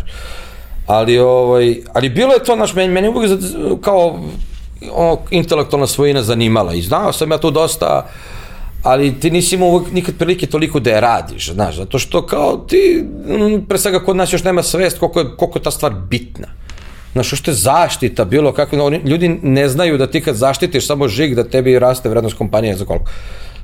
Znaš, da ti možeš propadne kompanija, a da, ono, kao, a da žig možda prodaš i da on da, dalje nezavisno živi. Pa vidimo je Nokia telefoni, misliš, što, to, što ne znaš ni koja kompanija, znaš ti Blackberry, evo ti sada. Pa, no, neki gomila stvari koje mi ne znamo. Ne znamo Dajte ThinkPad, na primjer, šta, za, za, za, samo ThinkPad logo koliko vredi za, za Lenovo kompjuter, nekada IBM. On jednog dana mu prodaju samo to da neko drugi to pravi, tako? Ali to ti je žig, to ti je snaga žiga. Uopšte, naše autorsko pravo samo po sebi, na što ljudi ne, ne, ni da, danas ne shvataju da stvari koje vide na internetu nisu besplatne. Ako, ih, ako, ako ne, plate, ne plaćaš da, da ih vidiš, to ne znači da, da smeš da ih koristiš u neke druge svrhe, a kamoli komercijalne. A kamoli komercijalne, znaš. Jer ljudi ne razumeju da je na kraju krajeva to sve neki posao. Znaš. I onda mediji kao, nas proganjaju zato što smo uzeli sliku, ne znam to, pa dobro, kao, ti si mediji, ti si uzeo nekom sliku, znaš, objavio si tamo, znaš, to se zove medijski biznis, znaš, to je ono što se kod nas ne razume, medijski biznis, znaš, kod nas je mediji postalo nevladina organizacija i kao ti si kao medij, kao to treba bude ono, ono to, to ne treba bude pravilo, treba bude izuzetak, kod nas to postalo pravilo. Znam, mi se pričamo o pravim medijima, kao nekim, ajde da kažemo, objektivnim, to ne postoji, ali da ka, bar da nisu usko, u, u, usko navijački, da tako kažem. I, I to je to, znači, mene je to uvek zanimalo, ali znaš kako, ne možeš ti ni time da se baviš, ti moraš da imaš široko znanje pravno i, i advokatsko, mislim, to je sve pomešano, znaš, ti jednog dana osnivaš firmu za, za ne znam, ne, ne znam, neki startup, nešto se pravi, ne znam šta god, I onda ti vidiš da tu treba da rešiš probleme, ti su problemi, nego, nego ovaj želi, ovaj jedan investitor želi, kaže, rešite vi, jeste vi oženjeni, kaže, jesmo, rešite vi probleme sa vašim ženama, nemojte posle da se razvedete da vam žena uze pola firme. Znaš, to su, to su stvari koje su realne, znaš, to nije samo IT pravo, to ti je, mislim, IT pravo ne postoji da ga razumemo kao takvo, znaš. To je, da kažemo, neki skup nekih interesovanja, ali to ti je sve, to ti je sve obuhvatna materija zapravo. I dosta se tu, tu dešava, znaš, tako da ti vidiš da na kraju krava ti moraš ljudima da radiš ono deobne te stvari, mislim, ima, ima tu svačega. Uh, dešavaju se ljudi da te zovu, hitno je, hitno je, hitno je, moram da zaštitim ovo ono, kao važi, ti bude da napraviš šta, gledaš pet dana, ovo se više ne javi ništa, konačno. I on ti nauči posle toga da ono, kao prvo plati, pa ćemo da vidimo zato što se je izgubio vreme, nije to sad stvar do novca, ja sam izgubio neko vreme koje se mogu nešto drugo da uradim, ako ništa, čitam knjigu. Sva što dešava i onda na kraju, ne znam, ne jedvi ti jedan 60 ti ga zoveš, treba se plati taksu, što da platim taksu? Pa ne platiš meni, plaćaš državi, znaš, on ko, Mno, znaš, mnogo je čudno to raditi sa ljudima, ljudi koji ne razume ništa i najlakše raditi sa poslovnim ljudima, jer poslovni ljudi znaju da stvari koštaju i da je, da je to jednostavno normalno, znaš, ništa nije besplatno, znaš, i to je to kao. I da ako želiš da te ne boli glava, onda u nekom trenutku moraš... Naravno, da na vreme da se reše neke stvari, ok, kao ne, nije sad ništa, znaš, ne gori, ne znaš šta, ali kažeš ljudima, trebalo bi o tome da se razmišlja. Dajte na vreme to uradite, jer posle bude stvarno problem. Znači, koliko znam ljudi koji su neki prodavali neke firme i kao, šta sad, aj sad ovo na brzinu i sad ti čekaš, ti baš rok, nije to ono koji odem tamo mi lupe pečat kao gotov. Ne, ti čekaš, to mora se proveri, tamo postoji čitava služba, znaš, kao patent, ono, kao stanje tehnike, tako, tako zove, pa proverava se baze, pa gleda šta ima, pa ono, da ti kaže može ili ne može, znaš. Tako da dosta ljudi, ovaj, dosta ljudi to ne razume, mislim, budi se svest ovde polako. Ali to, to je suviše, suviše polako. Znači, ne, ali opet ljudi su shvatili da prvo da ne mogu da uzimaju tuđe ta neka dela tek tako. Tek tako i kao sada koriste jer kao, znaš, mene mrzelo da se cijama tamo nikad bio, ali ja ću da uzmem baš tvoju sliku da, ne znam, ilustrujem, ne znam, ovo što sam hteo. Nema obuke to, naš, ono, tipa, niko, niko ne obučava ljude. Niko ne želi da plati obuku nekome da, da im kaže napred novinari, nema veze, marketing, marketingač, god koristi neki sadržaj ili ga kreira, pravi šta god, Niko, niko to ne želi da uloži u to, da kaže ljudi, evo obuka, ovo da znate šta može, da ne može. Mislim, to su jednostavne stvari, ne moraš ti budeš, ne znam, pravnik da znaš da ovo ne smeš da uradiš ili da moraš da potpišeš autora ili ne znam šta, ono. Ili da ne moraš, da, ali u kojim slučajima ne moraš, znaš. To su te stvari, ako, a svi hoće poslovi, svi hoće pare, i svi hoće ne znam šta, ali kao naš, da se da njima. To je ono, volim ja pravnu državu, ali ako, ja nema, a, a, ali ako nije protiv mene. A kako je protiv mene, tu je, korum, tu je ono, to mora da je korumpirano, to mora da je ovo, to mora da je ono. Pa nije, bre, postoje neka pravila koja su od kad je sveta i vek. Nedeljkoviću, moram za kraj da te pitam jednu stvar koju želim da te pitam godinama. Mislim, znam i odgovor, ali želim da i drugi ljudi ovaj, znaju odgovor. Prvo, zašto beauty? A drugo, zašto toliko ne voliš bugare? e da, to je zanimljivo. Ovaj. Pa to su neki moji, mislim, ajde za, sad, za ovo drugo, znaš, za to za Bugare, to su neki moji, ono, kao, ne znam, kao, ja tako volim na tim mrežama da izmišljam neke, neke teme, znaš, zato što ti, znaš, kao ljudi, ljudi vole, kako ti kažem, uh, ono, ono što, što, što pomenuo, da ljudi baš nisu mnogo bistri, znaš. A, a, a I sad ti, ti, vidiš koliko su oni povinu i koliko oni jedva čekaju da imaju nekog protivnika, znaš, da imaju nešto, da imaju... Još ako je neko koji- opšte mesto. A pogotovo ako opšte mesto, zato što uglavnom je opšte mesto, znaš. Redko kad, ako je nešto konkretno, to, to većina ljudi neće razumeti. I sada ovaj, uh, znaš, kao, bilo je tu da je za sve i svašta, ali to za Bugare se dobro primilo, zato zbog, zbog, ovaj, zbog one, one izreke kao, naš, kad god se zarati, ti kao udri na Bugare neće pogrešiti. I sad ja to krenem kao to malo za Bugare, a ono znaš koji sad vidim ljudi ne, ne kapiraju nešto. Sad ljudi kao šta, kao šta sad Bugari, šta odjedno, kao za nam nisu neprijatelji Hrvati. Kak je Bugari? A zapravo vekovni neprijatelji, ako bi tako gledali, jesu Bugari, mislim, istorijski. To, mi, znaš, mi sa njima smo se pomirili u tom nekom smislu tek ono za komunizma, zato što kao, Da, naš, mi smo ono, se pomirili, ali probaj u Nišu da pomeneš, da, pa da vidiš koliko sam ali idi negde da pomeni da vidiš ono kako, kako da. Ali to naš ljudi ne znaju zato što ovde kao instrument, inst, mislim, bukvalno je ta priča, i to je isto jedan otpor prema tom nekom narativu. Što s jedne strane tom nacionalističkom, kao mrzimo, ne znam, Hrvate, ovog, onog, bla, bla, što s druge strane tom nekom ultra, mislim, to, mislim, se razumemo, si to dobro zarađuju pare, znaš, niko to ne radi besplatno.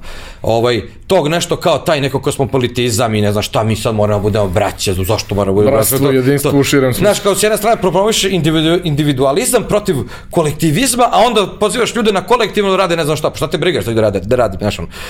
I, o, i, i, tu onda, i, i tu onda bukvalno nastaje, na, na- nastaje kuršlus, gde oni kao sad ne znaju što, znaš, kako da reaguju, zato što sad, znaš, kao, ovaj, da sam rekao da, da pričam lupam protiv Hrvata, to bi onda bilo kao vi, ako pričaš za Bugare, sad oni sad ni njima nije jasno, znaš. Je to nacionalizam ili zezanje, znaš? I sad što ti gledaš, bukvalno gledaš dok će da ide. Umeđu vremenu normalno, ta ljudi, ljudima se svidla ta priča, Uh, ovaj, bio se u Bugarskoj sto puta, normalno vratio se, preživeo, ljub, normalni ljudi fini, dok se ne zarati, jel tako? Ali važi valjda za svakoga. I ovo mi nekako, naš, to kao više, to sam pustio, mislim, ok, nekad je dobro pomenuti, treba ljude, naš, osvešćivati, dizati svest, ali to, naš, ne treba tako, ne mogu više, naš, mrzime, sad su mi biciklisti glavni, zato što, ono, kao znaš, ono, biciklisti i pešaci, ono, ne znam, ne, ne znam šta više mrzim, iako vozim i bicikla i mnogo pešačim, ali šta to drugi moraju da znaju, znaš. I onda kao, naš, tako smišaš način, kako, kako, naš, imam ideju kako da, da smanjim pešačenje, mislim, da, ono, kao, ne znam, da se naplaćuje godišnji porez na pešačenje i taksa na korišćenje tih pešačkih ovaj ajde da kažem kako tih, tih ono u, u, pešački prelazi pešačka ostrava semafori to sve ok kao platiš 5 ono 100 dinara kad god prelaziš pešački pa pe, pa pre, pešače kako hoćeš vidiš kako će smanjiti koliko pešačenje koliko će brže se vozi onda nemaš niš potrebe za toliko semafora nemaš ništa i nemaš pro- problema sedneš u kola stigneš da hoćeš To je otprilike neka ideja, naravno. Ovaj, kad bi sad to ljudi shvatili da je zezanje, naš, ljudi ne kapiraju, da, pogotovo biciklisti. Biciklisti su jedna od onih, naš, od onih tih, ono, zilota, kao ja vozim bicikl, ja štedim, ja ne znam šta, ono, ako ne znam tvoje gume istopljeno pola Saudijske Arabije za tvoje gume i da ne znam šta ovo, ali ja ne znam i koliko je tamo zatrovano čega dok se lio taj ram i fa, ta farba i ne, ali kao ni se ekološki ureduje, mislim, jeste na neki način. I sad kao naš, sad oni, u početku su, znaš, ba- baš su bi se nervirali, posle toga su shvatili valjda da je to zezanje, kao trebali mi samo godinu i po dana, dve, znaš, da, da shvate da kao, naš, da, da, da. A tu zašto beauty, to je zanimljivo, mislim u Jerkoviću, ovaj, sad, znaš, to ću mnogi pomisliti, kao vidi ga ovaj kao kompleksaš, on misli, ne znam što, ko, možda. Ali kao, zap- zapravo, zapravo kako je to sve nastalo, to je, to je, baš, do, baš je to, da, to neka priča koja vezuje sve ovo. U Jerkoviću, to negde 90. godina, ranih 90. to zapravo, tu, sredina 90-ih, mi smo imali neki jarkovački pokret otpora. Mislim, naš, neka, neka naša neformalna organizacija, nas, ne znam, sedmar ospora, sedimo i tako, kao izbišemo lupamo gluposti, pravili smo, ne znam, te neke rum partije i ne znam šta sve, i kao imali smo, kao između ostalog, jedna od organizacija nam je bilo jarkovački pokret otpora, po, pored benda Kiso Kupus, mislim, znaš, bend Kiso Kupus, koji, je, koji su mi na onim protestima 96. 97. čak i u novinama da, ono, da, da su nas pozdravili kao transparent, jer smo sve, sve vreme onih protesta 96. i 7. nosili Kiso Kupus transparent ko ne znači ništa, ali to je, baš, to je baš to, kao prozivamo biciklista. I ovaj, I kao, znaš, mi smo imali kao konspirativne imena, možda, misliš, sad bio jedan, ne znam, Šoja Stameni, Bane Surovi, ne znam, Lepi Joe, ne znam, ovaj, onaj, i ja sam bio kao, ne znam, Uroš Lepotić, za ban, znaš, ono, sedimo i kao, lupetamo, znaš, klinci, šta se 15 godina. I što, pošto ja tad bio jedini, da kažem, umrežen, a i kao, znaš, bio sam kao pot, port parol i on se ja kao potpisivao svojim, svojim ovaj, konspirativnim imenom, pa kao to, pošto je bilo kao Uroš Lepota, pa kao Beauty, Uroš da Beauty, on je na kao ostane Beauty. I kao Beauty, to ostane što kao posle toga, to bilo sa, ja sam i, i na Facebooku, meni bilo, meni, meni zapravo bilo nečuveno kada se pojavio Facebook da ti budeš tom pod pravim imenom. Znaš, ako budeš pod pravim imenom na internetu, internet anoniman treba bude i, i problem je što, znaš, znaš, problem je što više nije, što više nije anoniman, jer ono da je anoniman, bilo bi mnogo većeg pičva iza, i baš bi bilo mnogo zanimljivije. Ono, znaš, ti sad imaš ove razde ljude koji se tako javljaju, neki besni, oni prete, ono ti viš ono da je to običan lik koji sedi na šolji u gaćama, znaš, i ko zna šta radi, znaš, ono, znaš, ono, kao, ali on je kao, ne znaš šta, i to baš super, znaš, baš, i onda kad je postalo kao, znaš, to sve, ono, manje anonimno, onda kao taj internet izgubio tu svoj čar, kad ti znaš, znaš, da ti tamo sa živim osobom sediš, pričaš, misliš sa živim, znaš, ko je, pa ovo, ono ima i sliku, ovo, znaš, ja sad će, on, on, on, onaj četovi, mislim, to sad, ajde, pomenuti, taj neki od tih nekih IRC kanala, beskonačno ih je bilo. Imam drugara koji je radio, ne znam, u železnici celu noć, noćna smena i sad nemam pojma, on zna, on se pod lažnim imenom normalno uđe tamo da četuje sa nekim likom i sad normalno čeka tvog, tvog, tog svog drugara da se upeca da dođe noću i da njega klikne i da počne priča, ovo je normalno žensko, a ovo je buško. I ovaj ga buva mu, ovaj sve zna što ovaj voli i tako ga loži, loži, loži, tovari ga, tovari ga i na kraju, posle, ne znam, tri nedelje kao pošalji mi sliku i mu pošalje naš ono BMP slike koje ne idu ovako, nego, se, nego od dole. Ono. I kao naš kako polako se čita, vidi svoj, i ovaj vidi njegovu sliku i kao, zove ga telefonom gubi, ali ovaj tri nedelje živeo najlepši san naš i to je baš dobro, toga baš ima slabije sve. Ima možda kod i penzosa i to, ali kao o, i, ali sve je manje naš nema nema više naš to ne romantike kao romantike u smislu ljubavi nego nego tog romantičarskog perioda to je više propala naša tehnologija je postala bukvalno ono kao daj pare daj pare daj pare dostup. Da, ono kao samo oglasi, samo ovo, samo ono, znaš, ono kao više ne možeš da poblokiraš toke oglase, bukvalno, znači ono. Čak sam smislio ideju e, da, da kada bi ja pisao neki novi zakon o oglašavanju, ja bih dozvolio oglase svuda, i koliko hoćeš, samo što bi moralo da bude, a da to ne može da se ugasi nikako, da pre, ono kad se izlazi, izađe reklama, samo ti kaže my friend only for you i samo se pojavi oglas. Tako ti skložiš to my friend only for you, da ljudi vide zapravo šta je to u pravom životu. Znaš. Jer kao, naš, ti vidiš, ako te neko stalno nutka, tu nešto nije u redu. To je moj stav. Tako da, eto, razrešili smo misteriju zašto beauty konačno javno, zato što sam to negde pisao, ali kao na što ljude baš briga. Tako da on. Rejkoviću, hvala ti što si podelio ove anegdote i što si dopisao neke ovaj, stranice na istoriju srpskog i jugoslovenskog interneta. Za one koji Zapadno-balkanskog, da, to je sad novi termin zanimljivo. Da. Ovaj, hvala ti na svemu, uh, nadam se da ljudima bilo zanimljivo. Uh, ako vam treba advokat, Nedeljković, pogledajte na sajtu šta... Ne mora, nema reklamiranje zabranjeno, ali mogu da odu na imenik advokata, nek vide koji, koji ih zanima i zašto im treba. Imam ja dosta posla, ali kao ako baš nešto hoće mene, evo nek me dobro. Mislim da su ljudi prestali da slušaju onda kad sam pričao on iz Meksika. Ali to ćemo da vidimo, evo nek napišu u komentarima. Ukoliko vam se ova epizoda dopala, pogledajte i neku od prethodnih, a možete nas zapratiti na YouTube-u, na audio platformama ili se prijaviti na našu mailing listu, a takođe ukoliko želite možete nas podržati na platformi Buy Me a Coffee, bilo jednokratnom donacijom ili mesečnim pretplatom. Za kraj bih se samo zahvalio još svima koji nas podržavaju, kao i našim prijateljima iz kompanije Epson koji su pomogli realizaciju ove epizode i pozvao vas da kao i do sada sve svoje predloge, sugestije i komentare ostavite na za to predviđenim mestima na društvenim mrežama i na YouTube-u, a mi ćemo ih uzeti u obziru u realizaciji narednih epizoda. Vidimo se naredne nedelje.